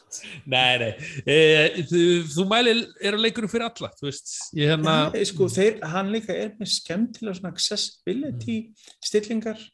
Þannig að þú getur haft uh, já, það er gott mót fyrir Bjarka, er það ekki á Söltrix? Það er ekki aðalmáli. Já, hvað, það má ekkert stríða fólki sem að gera þetta. Nei, það er með þæl, það er stilling En ég finn nú ekki alveg í god mót, strákar. Ég finn bara kannski veit ísi. En þetta er gott fyrir sem sagt, fólk sem er kannski á aðeins erfiðar með að spila vissa leiki eða eitthvað, þá eru svona assist feature, það er til dæmis no fall damage, það er, þú getur verið invincible eða bara fengið söguna, þannig að þetta er líka fínt fyrir krakka, þessi langar kannski að pröfa einhvern svona æfintileik, hopp og skopp, en kannski er ekki tilbúin fyrir sumt að þessu erfiða. Þá er, veist, þetta til staðar. Og besta við þetta er ekkert að þessu er áhrif á achievements eða trophies en þessu leis þannig að þú getur spilað hann í gegn eins og þér þú vilt. Og bara því meiri finnst mér bara valkost sem fólk hefur að spila leikinu eftir sín höfði er bara henni besta sko. Mm. Eins og ég á sjálfur fyrsta leikir eftir ég á alltaf, hann er á svona bucket listunum og veist, mér er bara með hvað húmhúrun er þá langar mér einmitt að kafa betur í hann kannski og svo hérna ríf ég þetta þeir eru með mjög góða kynningu á fyrsta leikinu í byrjun og tvö. En að þú ert með já, ég er svona, ég, ég er svona sökkar að fara alltaf í, í svona en hann er þetta bats, batsins tíma hann er það gammal, það er Mhm. alltaf ákveð eins og við segjum hvernig leikir eldast eins og við talaðum sjálfur. Nákvæmlega. Uh, Þetta var, einmitt, Segunars 2, þú mæla með að grípa leikin? Já, ekki verra eins og segi, þú ert með Game Pass, annars er hann á Steam og, play, og PlayStation Store og flera, þannig að það er... Já, ég sem segi, núna, af því að ég var að kosta það nára PlayStation, Aha. þá er ég miklu meira líka til að kaupa hann á full verði, því mér langt 13? Af því að mér langar miklu frekar að vera að spila upp í sofa heldur nokkuð tíminn hérna mm -hmm. inn í dýflissunum minni en inn í, næ, tjók Þetta, maður gleymur sem maður kíkur Game Pass, hann var einmitt að segja mér að sveitna að 12 minutes væri á Game Pass. Já, ég keipti hann á fullu verði já, og spilaði hann inn í PC-tölunum minni. Og ég var einmitt að tala um ég var einmitt að tala um Humankind og Quake endur útgáðun og fleira, einmitt, nákvæmlega. Game Pass Ég er einmitt að með Alien Firestorm veist, hann var svona, er hann að Game Pass? Hann er ekki Game Pass. Nei, þetta, ég veit ekki þetta er ekta leikur sem ég myndi vilja vera Game Pass líka vegna þess að ég var svona bæði og með hann. Já, Mér er svona sund sem líst ráðlega vel á hann er, þú veist, hann virðist þér aðlýsa leikur. Þetta er aftur á múti klassist dæmi um það skiptir rosalega mikið í máli hvað þessi leikur kostar.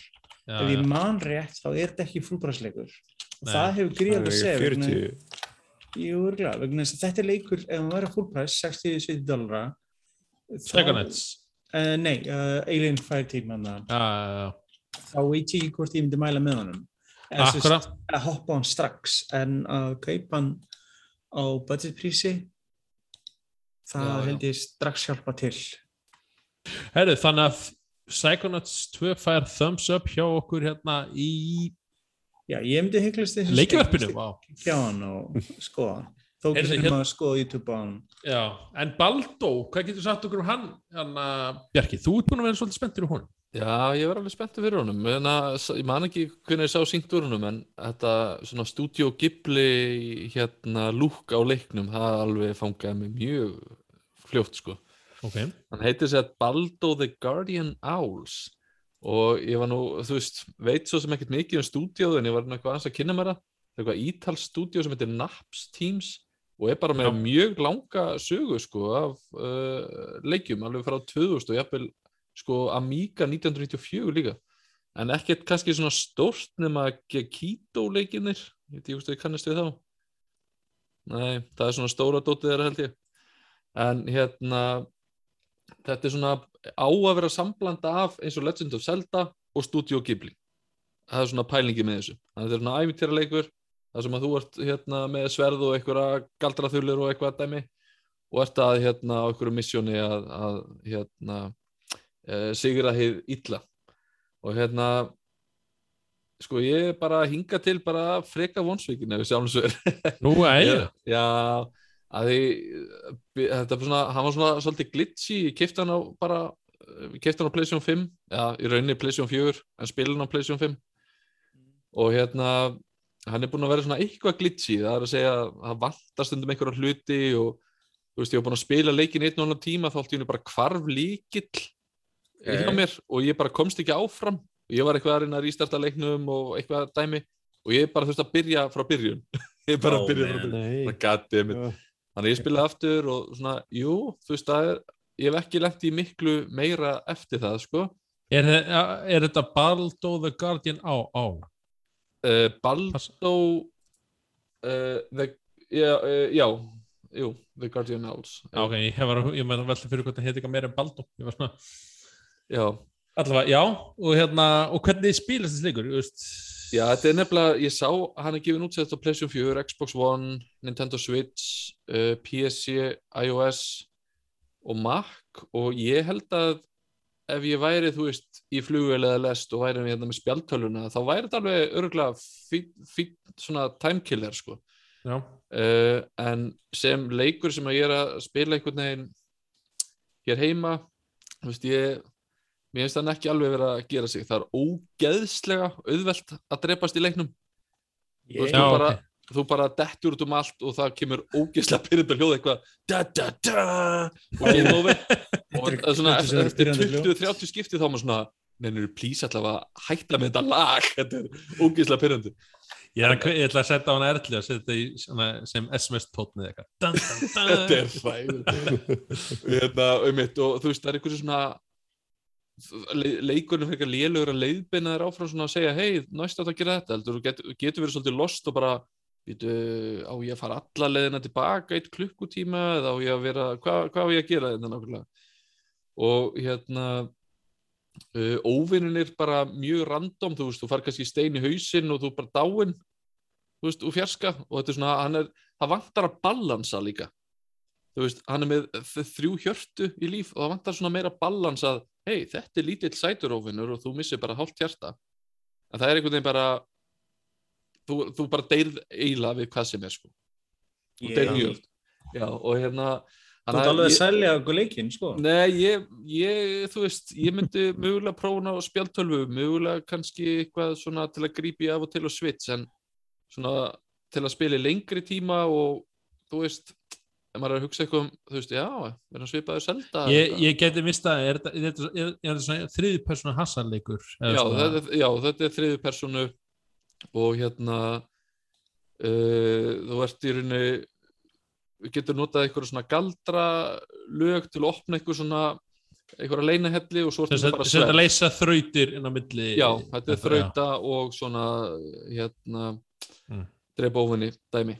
Já, en, en ef leikurum væri fyrir ekki, ef leikurum væri ekki með þessa galla eða þessa glitsa sem lendir í myndir að finnast hann tölur betri hvað myndir mæla með? Já, þetta er ekki bara glitsis eins og með að týna liklinum, það var glits og stundum bara hefur vanta lýsingar veist, eins og hverjum hlut sem ég fundi svona á mappinu þá er eitthvað svona baksaga á bakviða svo allt í hún færna eitt stað og þá stóð bara dungeon og bara punktur. Og það bara er þetta leikur sem virkar eins og hann hefði máttið lengur í ofnunum já og þegar það er svona þú veist það er svona það sumt sem að ángra mig sem að kannski á ekki ángra mig en þú veist þú veist að tala við fólk og kemur svona texti þú veist svona byrtistæktur rólega. þú veist hann byrti stundum og passar ekki í textakassan og fyrir einhvern veginn út fyrir maður svona nennur að laga þetta, þetta ángra mig er eitthvað svona en, en ég held að myndi græða miklu meira því að myndi bara balansera hann meira.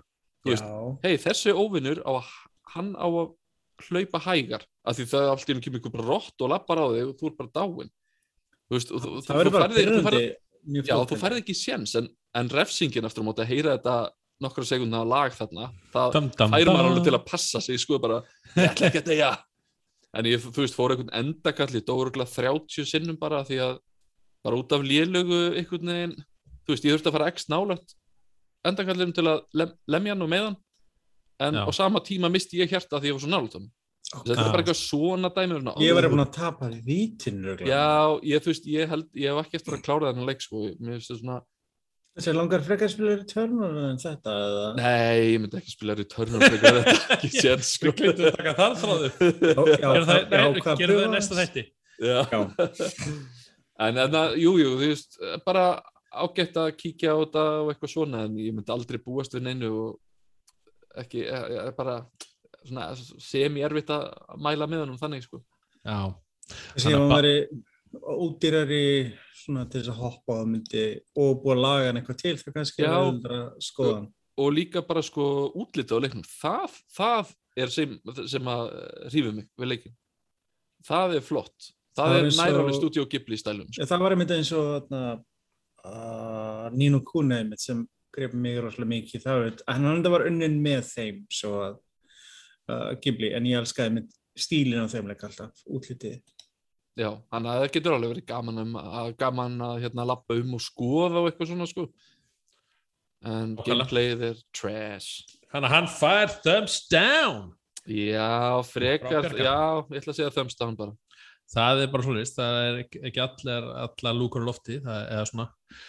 En hérna, eins og sé, já, við hérna eigum nokkra punkti eftir og við ætlum að reyna að komast yfir sjálfsög alla, en hérna Ghost of Tsushima Director's Cut, uh, Sveit, þú er Þú hendir í vagnin, einhver svona, þú ert hvað mest, var svona mest hugsin yfir þessu verði, en ég- á lestina fyrir okkur, hérna, nördana. Já, já, ég mun senda Bjarka uh, vaskskíslu síðar og uh, end, endurgauðslu formið sko. við erum ok. styrk en að nörd en að kannski áður fyrir mig sömra Daniel, ert þú búinn að spila leikinn fyrir leikinn eða eða fyrir útgáðana fyrir útgáð, nei, heyrðu, þetta er á backlognum mínum að vera að brenna stórt gatt þú átt sko. gott eftir maður. Þú, Já, það er þetta mjög gott þá hérna vindum við okkur hvernig er Directors Cut að koma út hérna sveit Já, uh, svo ég kannski bara byrja að tala um hvað direktskvallið er svo fólk svona þess eða veit ekki þetta Já. er sem sagt reynilega bara leikurinn með uh, expansionu sem bæti við nýri eigu sem heitir EK Island ásændi að setja saman svona þessar uppfæslur sem leikurinn hefur fengið þessu fríu og Legends Scope móti sem við erum búin að með spila nokkuð saman. Ásændi að bæta við svona nokkur DLC og uh, saman. En þetta er, ég, ég segi, ég var búin að setja svolítið fyrir mig stundum uh, uppfæsluverðið, hvernig þetta var handlað. En ég lef mér svona hafa það, vegna sem ég hans leikur næðislegur uh, það sem kannski aðsnald að segja þetta er, maður svona, ég er að spila PlayStation 5 útgöðuna og maður getur fært segja við þessu milli sem er mjög þægilegt. Maður getur bara haldið áfram og verðum þess all trófíinu sem er búin að vinna þér inn og allt saman, þannig getur bara raunilega bara þannig ég notaði það sem grunn og hoppaði inn í sem sagt uh, nýja efnið.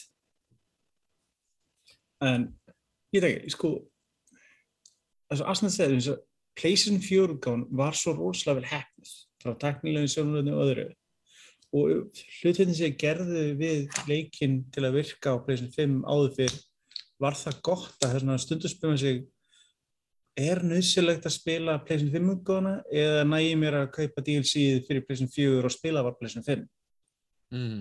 það er eiginlega það sko þetta er svona, þetta er Finnst þér það sem sagt ekki verið þess verið að uppfæra hana uppfæra þetta yfir á PlayStation 5 fyrir penningin?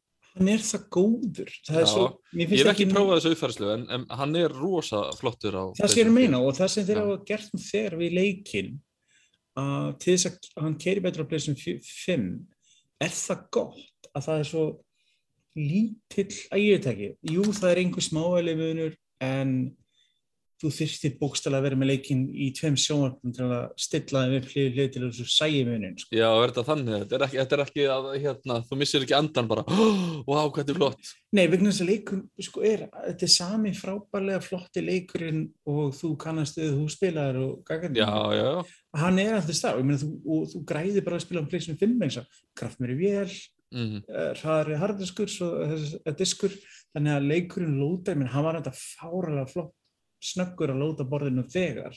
-hmm. Þannig er þetta bara ennþá snöggur en núna. En þetta er eiginlega bara svona, eins og maður segir, svona klassísk game of the year útgáð leiknum. Þetta direktskott eins og við talum um aðan er bara eitthvað svona marketing gimmick um vilja. Já, já. Eh, sko fyrir flesta kannski sem eiga pleysin fjögana þá nægir þeim bara að kaupa uh, þessa, þessa viðbót og njóta hennar. Hún er að myndi rosalega góð. Viðbótin sjálf er virkilega góð. En það breytir volið þegar hvort þú myndir að spila pleysin fjögur útgáfana eða pleysin fimm útgáfana til njótunar. Mm En, að en, ég sé- en, svo, en svo ég sem á er ekki eða búin að kaupa Ghost of uh, Tsushima ætti ég að fara beint í raunverulega- Directors Sko, ég myndi kaupa þetta ekkert einfallega bara til að fá þetta allt saman fyrir minni pening. Þú veist, bara til að fá þetta allt saman. og kannski eitt að benda það þegar þú segir þetta, ég held ef þú ætlar að kaupa leikinn netinu, þú getur ekki kipt upp útgána Já, þeir eru búin að, sko, gera það reynda um daginn að núna er gamla útgáðan dottin út, þannig að þú getur bara kipt. á fullu verði aftur Það er reyndar það svona hluturinn einmitt sem búin að setja svolítið í manni þetta. Þú sér það ef þú átt pleysin fjörútgáðana og langar að fá pleysin 5 uppfæsluna, þannig að allt ótið pluss pleysin 5 útgáðana, þá kostar það 25 pund. Ef þú ætla bara að fá uh, nýjefnið á pleysin 4, þá myndir þú borga 16 pund miður þú átt Já. leikin. En síðan þarf það að uppfara sín ofan á það einhver nýju pund fyrir til að fara í pleysin 5 útgáðana. Þetta er voðalega óþarflega flókið, getur sagt. Þetta er vel útsett uh, Excel-skil hjá þeim alveg pottet sko. Þetta er kjánalegt hvernig þeir eru að gera þetta. en þetta er svona, ég veit ekki hvort það, svo segi, ég, það komur óvall líka kannski ef, þið- farið á, á hana Metacritic. Þú veist, það var aftur verið að gagnina leikin þú veist, hann aftur komið inn á frontsíðinu bara, wow, þú veist, með Director's Cut.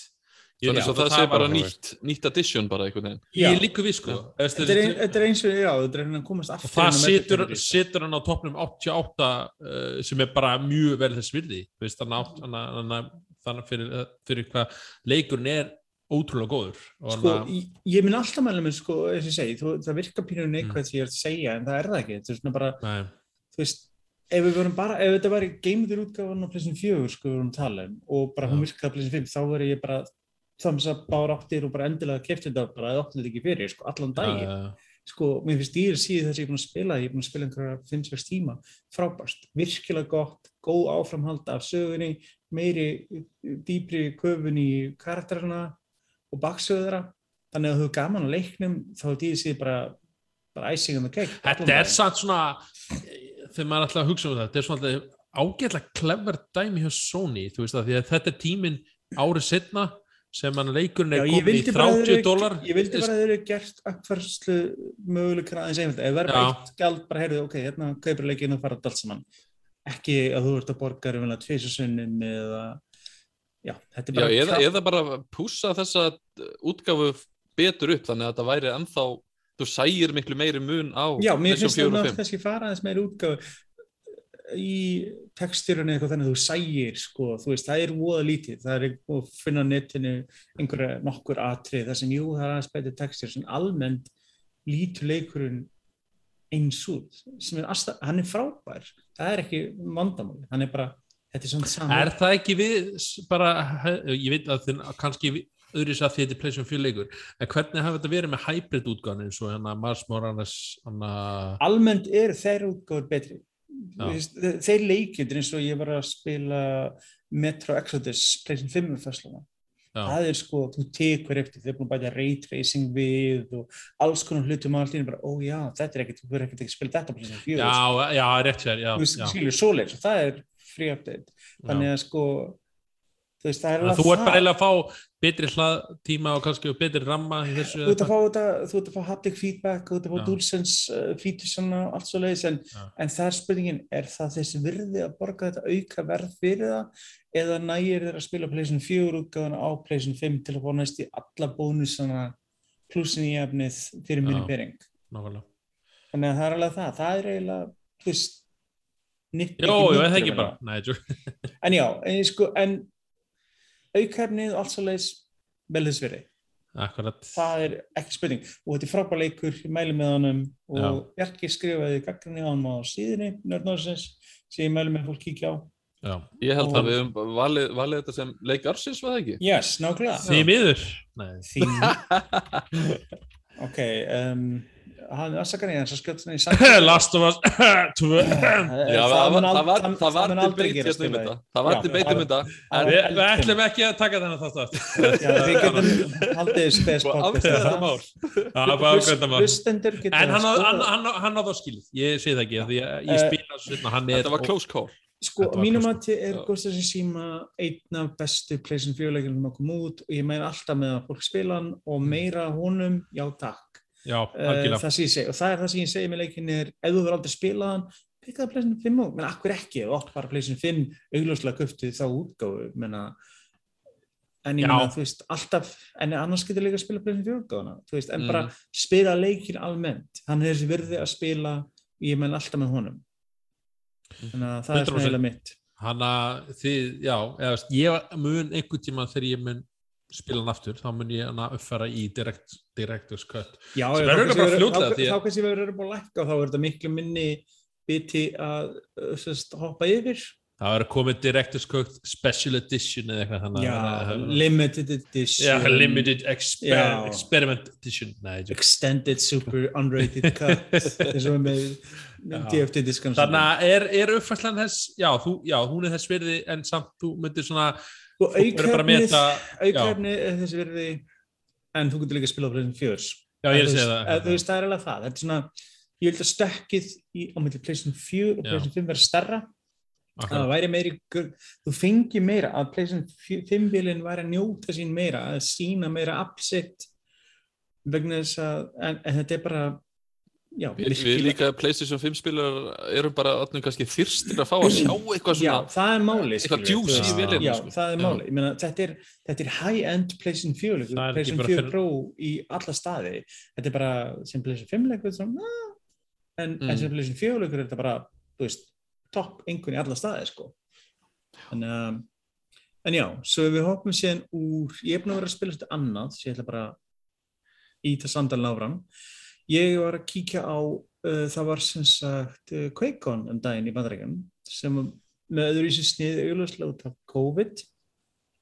Og QuakeCon er svona, já, kynning við þess á eitt á öllu tegndu Quake auðvitað og þeir droppiðu bara óvænt endurúka og uppræðulega Quake-leikin, Quake 1 Ó, minningarna maður. Ó, hver manni getur að spila múf GL Quake, ég man ennþá þetta er að spila Quake og maður var að spila í þrýviti fyrstskipt, ekki bara software. Maður bara, Þetta var, þetta var eh, eh, hérna mikið spilað í bókasafnu í já, innskólanum sko. á Voodoo 2 maður að spila á.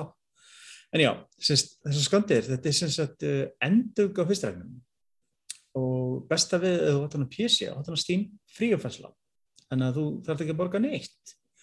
Og, og síðan getur ennþá að spila gamlókan þannig að þú ert reynilega bara að fá nýja útgáð leiknum sem er enhansu fyrir nútíma vilbúnað og er reynilega keirur á annari grafíkvel keirur á held ég kaksendin sko, stúdíu sem sáum þetta port heitir Night Dive þeir eru verið að gefa mikið endur útgefa mikið af gamla leik og gera það þægilega. Þeir, þeir gera til dæmis uh,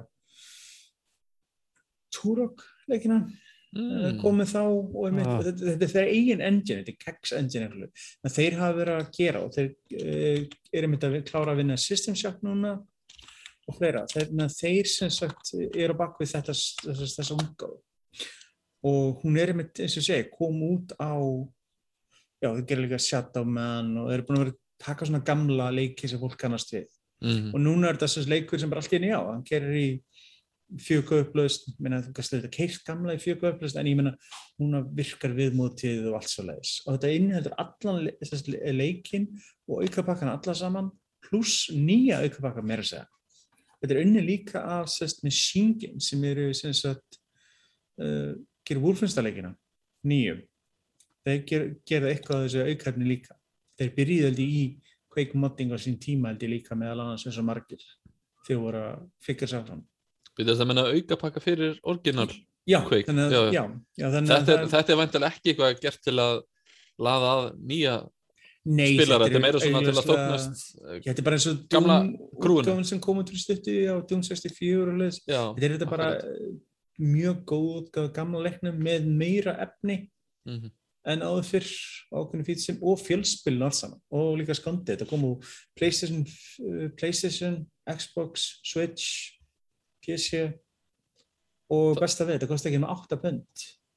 Já, Þannig það er að ekki penningur en þú ert líka að þess- fá svona mjög gamla leik sko. Já, já, en, að en, en, en þú ert að fá nútíma, já, já, það er rétt, en þetta er ekki kannski fyrir hvert sem er, en fyrir okkur svona ellismellina sem vilja upplifa smá svona retro feeling. Jú, og þetta er líka svona og þetta er líka sko uppfært útgáð leiknum með nýja graphical features sem voru ekki til staðar, eða gerleir þegar leikunum kom út á sín tíma, en það er líka Hva- 96. pælið líka í því að bara á þessum tíma þá var svona deathmatch bara það var svona bara frekar Ah, nýlegt og Þú veist að spila nullmótem með viniðina helst og eitthvað slúðis. já, bara, wow, keppa móti ykkur öðrunum, þú veist, það er ekki lengra síðan að þetta, sko. Er sko síðan er líka stuðningu fyrir uh, mo- official mods og unofficial modda í leiknum þannig að fólk getur spilað efni sem aðrir hafa búið til á Mm. auðvöldan hátt. Þannig að það er mjög skemmtilegt ok. fyrir fólk sem hefur aldrei spilað þessa leiki kannski eða langar að sjá svona hver skotleikinnir byrjuð þó reyndar byrjuðu miklu fyrr, Doom og annað. Mm en ég, persónlega er ég alltaf búin að vonast eftir einhver daginn að fá nýjan Quake-leik. Og Quake fái sömu meðferð og Doom fekk 2016 Það væri svakalega gaman, sko.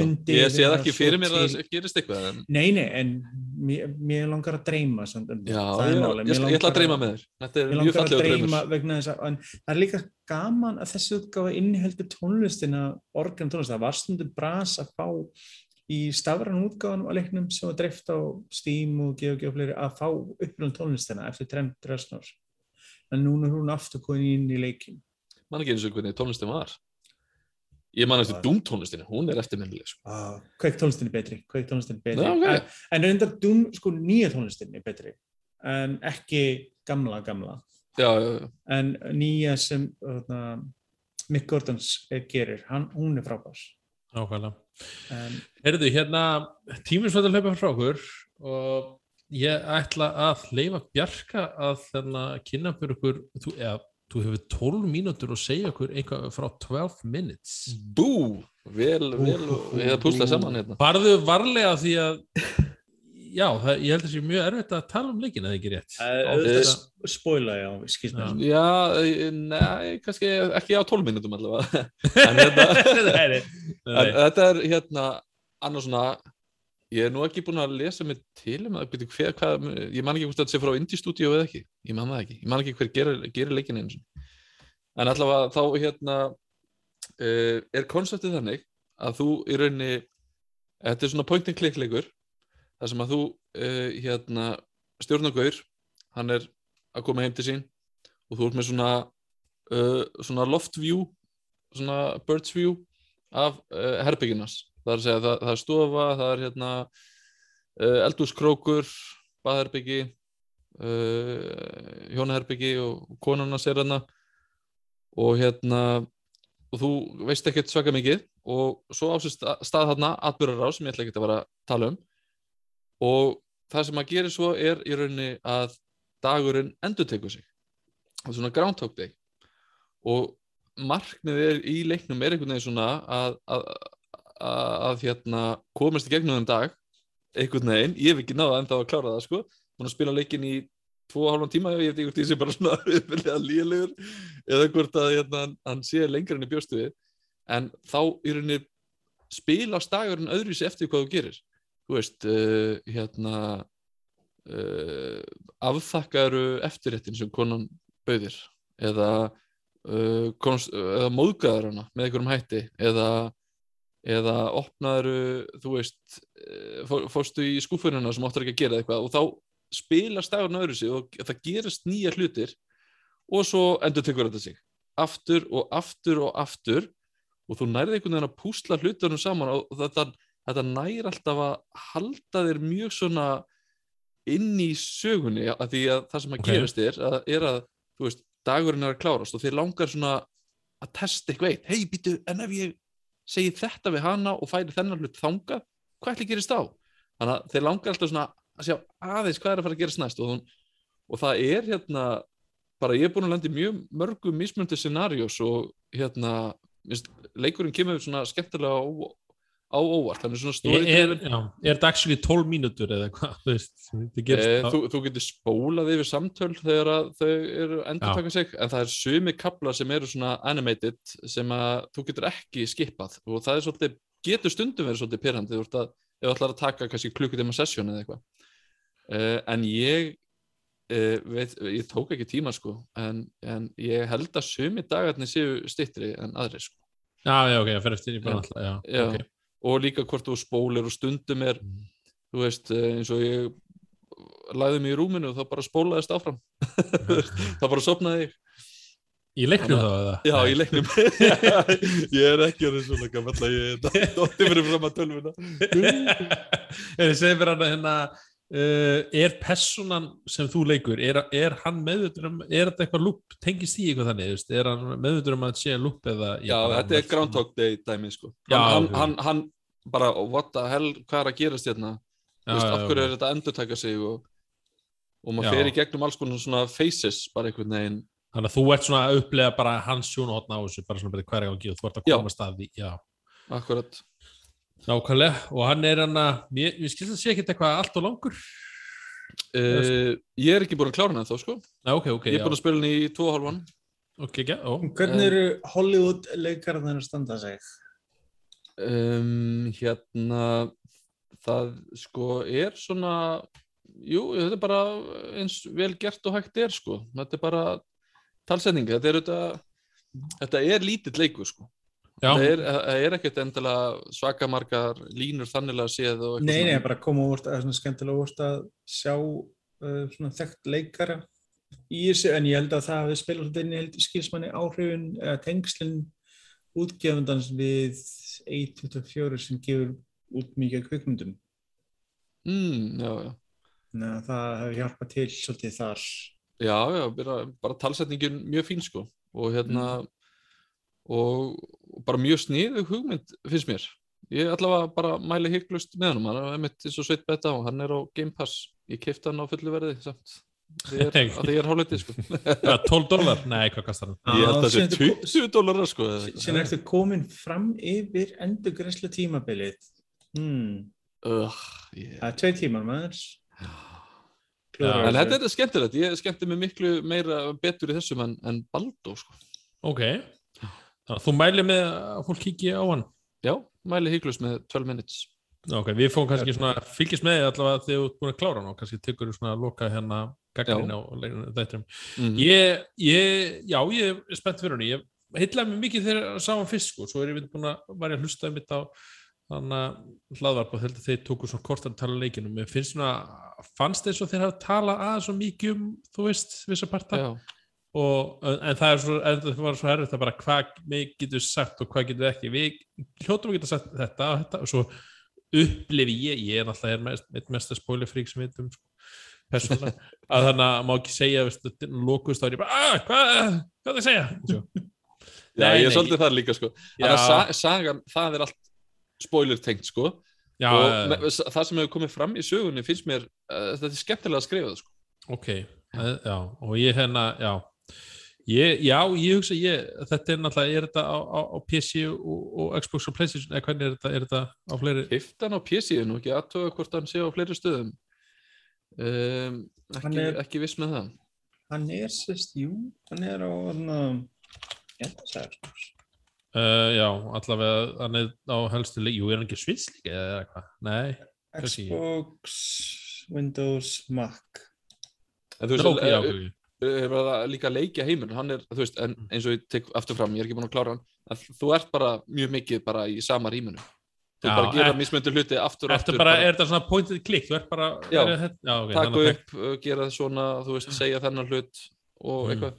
Það- og, og að- það, stundum er þetta pínu pyrrandi að þið, þið líður eins og sér búin að gera allt en það er einhver eitt hlutur sem er langar að gera öðru sig já, þá stundum er maður svona uh, þú veist, það er færi gegnum þetta en ég tók já eftir- það, það var einmitt í gegnum þess að þið sögðu við það, þá þarf það að fara í gegnum aftur gegnum hana lúpið þú veist, Já. að býða eftir, býða til þeirra til að geta framkvæmt þennan- þess aðgerð, já annars kannski búin að býði 5-6 mínútur svona þegar eitthvað ákveð gerist þá langar að gera eitthvað en ég reynda að tók eftir því að maður getur alltaf bara að opna hurðina og lappa úr herbygginu þá bara Já. rístartast lúpan líka sko. já, ok já. getur ekki yfirgefið svæði heldur Já, ok, sniðu, sniðu svona game mechanic þú eru að klára út eitthvað út eitthvað mögulega já, Mhm. akkurat. Nákvæmlega. Herðu, hérna, já, ég held við höfum þetta ekki mikið lengra í dag. Það er, við komumst ekki yfir, hérna, kannski setna næstu Pokémon Present, uh, Diablo bitun og annað, þannig að og Summer of 58 uh, það var svona önnur umræð sem við ætlum að taka, var ekki 58 annars, jú, Jú, jú, já, bara en að við, það var enginn okkar búin að spila með það. Nei Nei, við kannski tökum þann þrá hérna, í næsta þætti hérna, þessi, tíminn er svona til að renna út hjá okkur. En svona er þetta bara. En, en, já, við hérna kannski svona helst að við höfum svona tekið svona nokkuð veginn samilega ákvörðun hérna hjá okkur að við ætlum að reyna eftir bestu getu að vera með fleiri þætti allavega tvo þætti í hverju mánu og það er bara vegna þess að Bjarki er komin í hvað? Þannig að aðeins meira fríamanlega nei Já, ég er bara, já, ég er bara meira, meira í tíma núna. Já. Þannig að það er bara, maður getur verið að röfla meira og, og tala um töluleiki hérna. Er þetta bara, öh, nei, tjóki. Bósettórir, aðra græði. Já, þetta er bara, fylg, þetta bara fylgir því, þú veist, þegar maður er að gifta þess töluleikinur, þá bara verður maður að díla við þetta. Bara svo rétt. Ég kannast þetta sjálfur.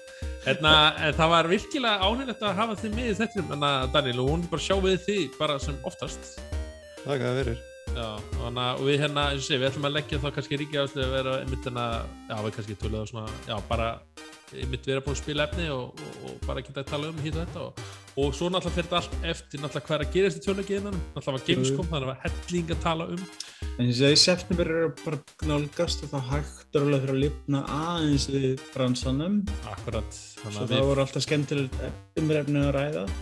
Akkurat, hérna. En en að, ég, eitthvað sem vil ég bæta við? Nei, þetta er bara flott hjá held ég. Það er það ekki. Það er ekki ekki. Frábært. Þegar ég þakka bara öllu hérna fyrir hlusturna. Hvað sér þið? Þú glemdir einu. Ég... Hver, hverju var það? Hvað var það? Þú glemdir að taka fram númur hvað þátturinn er. Þið sjáu það hérna kæra hlustundur á þetta spytunum. Þetta er nummið 27 lagamlega segja. Rétti er sann, þetta er rétti. Allavega hérna, já, þetta er geggjað. Hérna, takk fyrir hlusturina bara og sjáumst bara mjög fljóðlega aftur. Eða heyrumst fljóðlega aftur. Gerum það. Bless.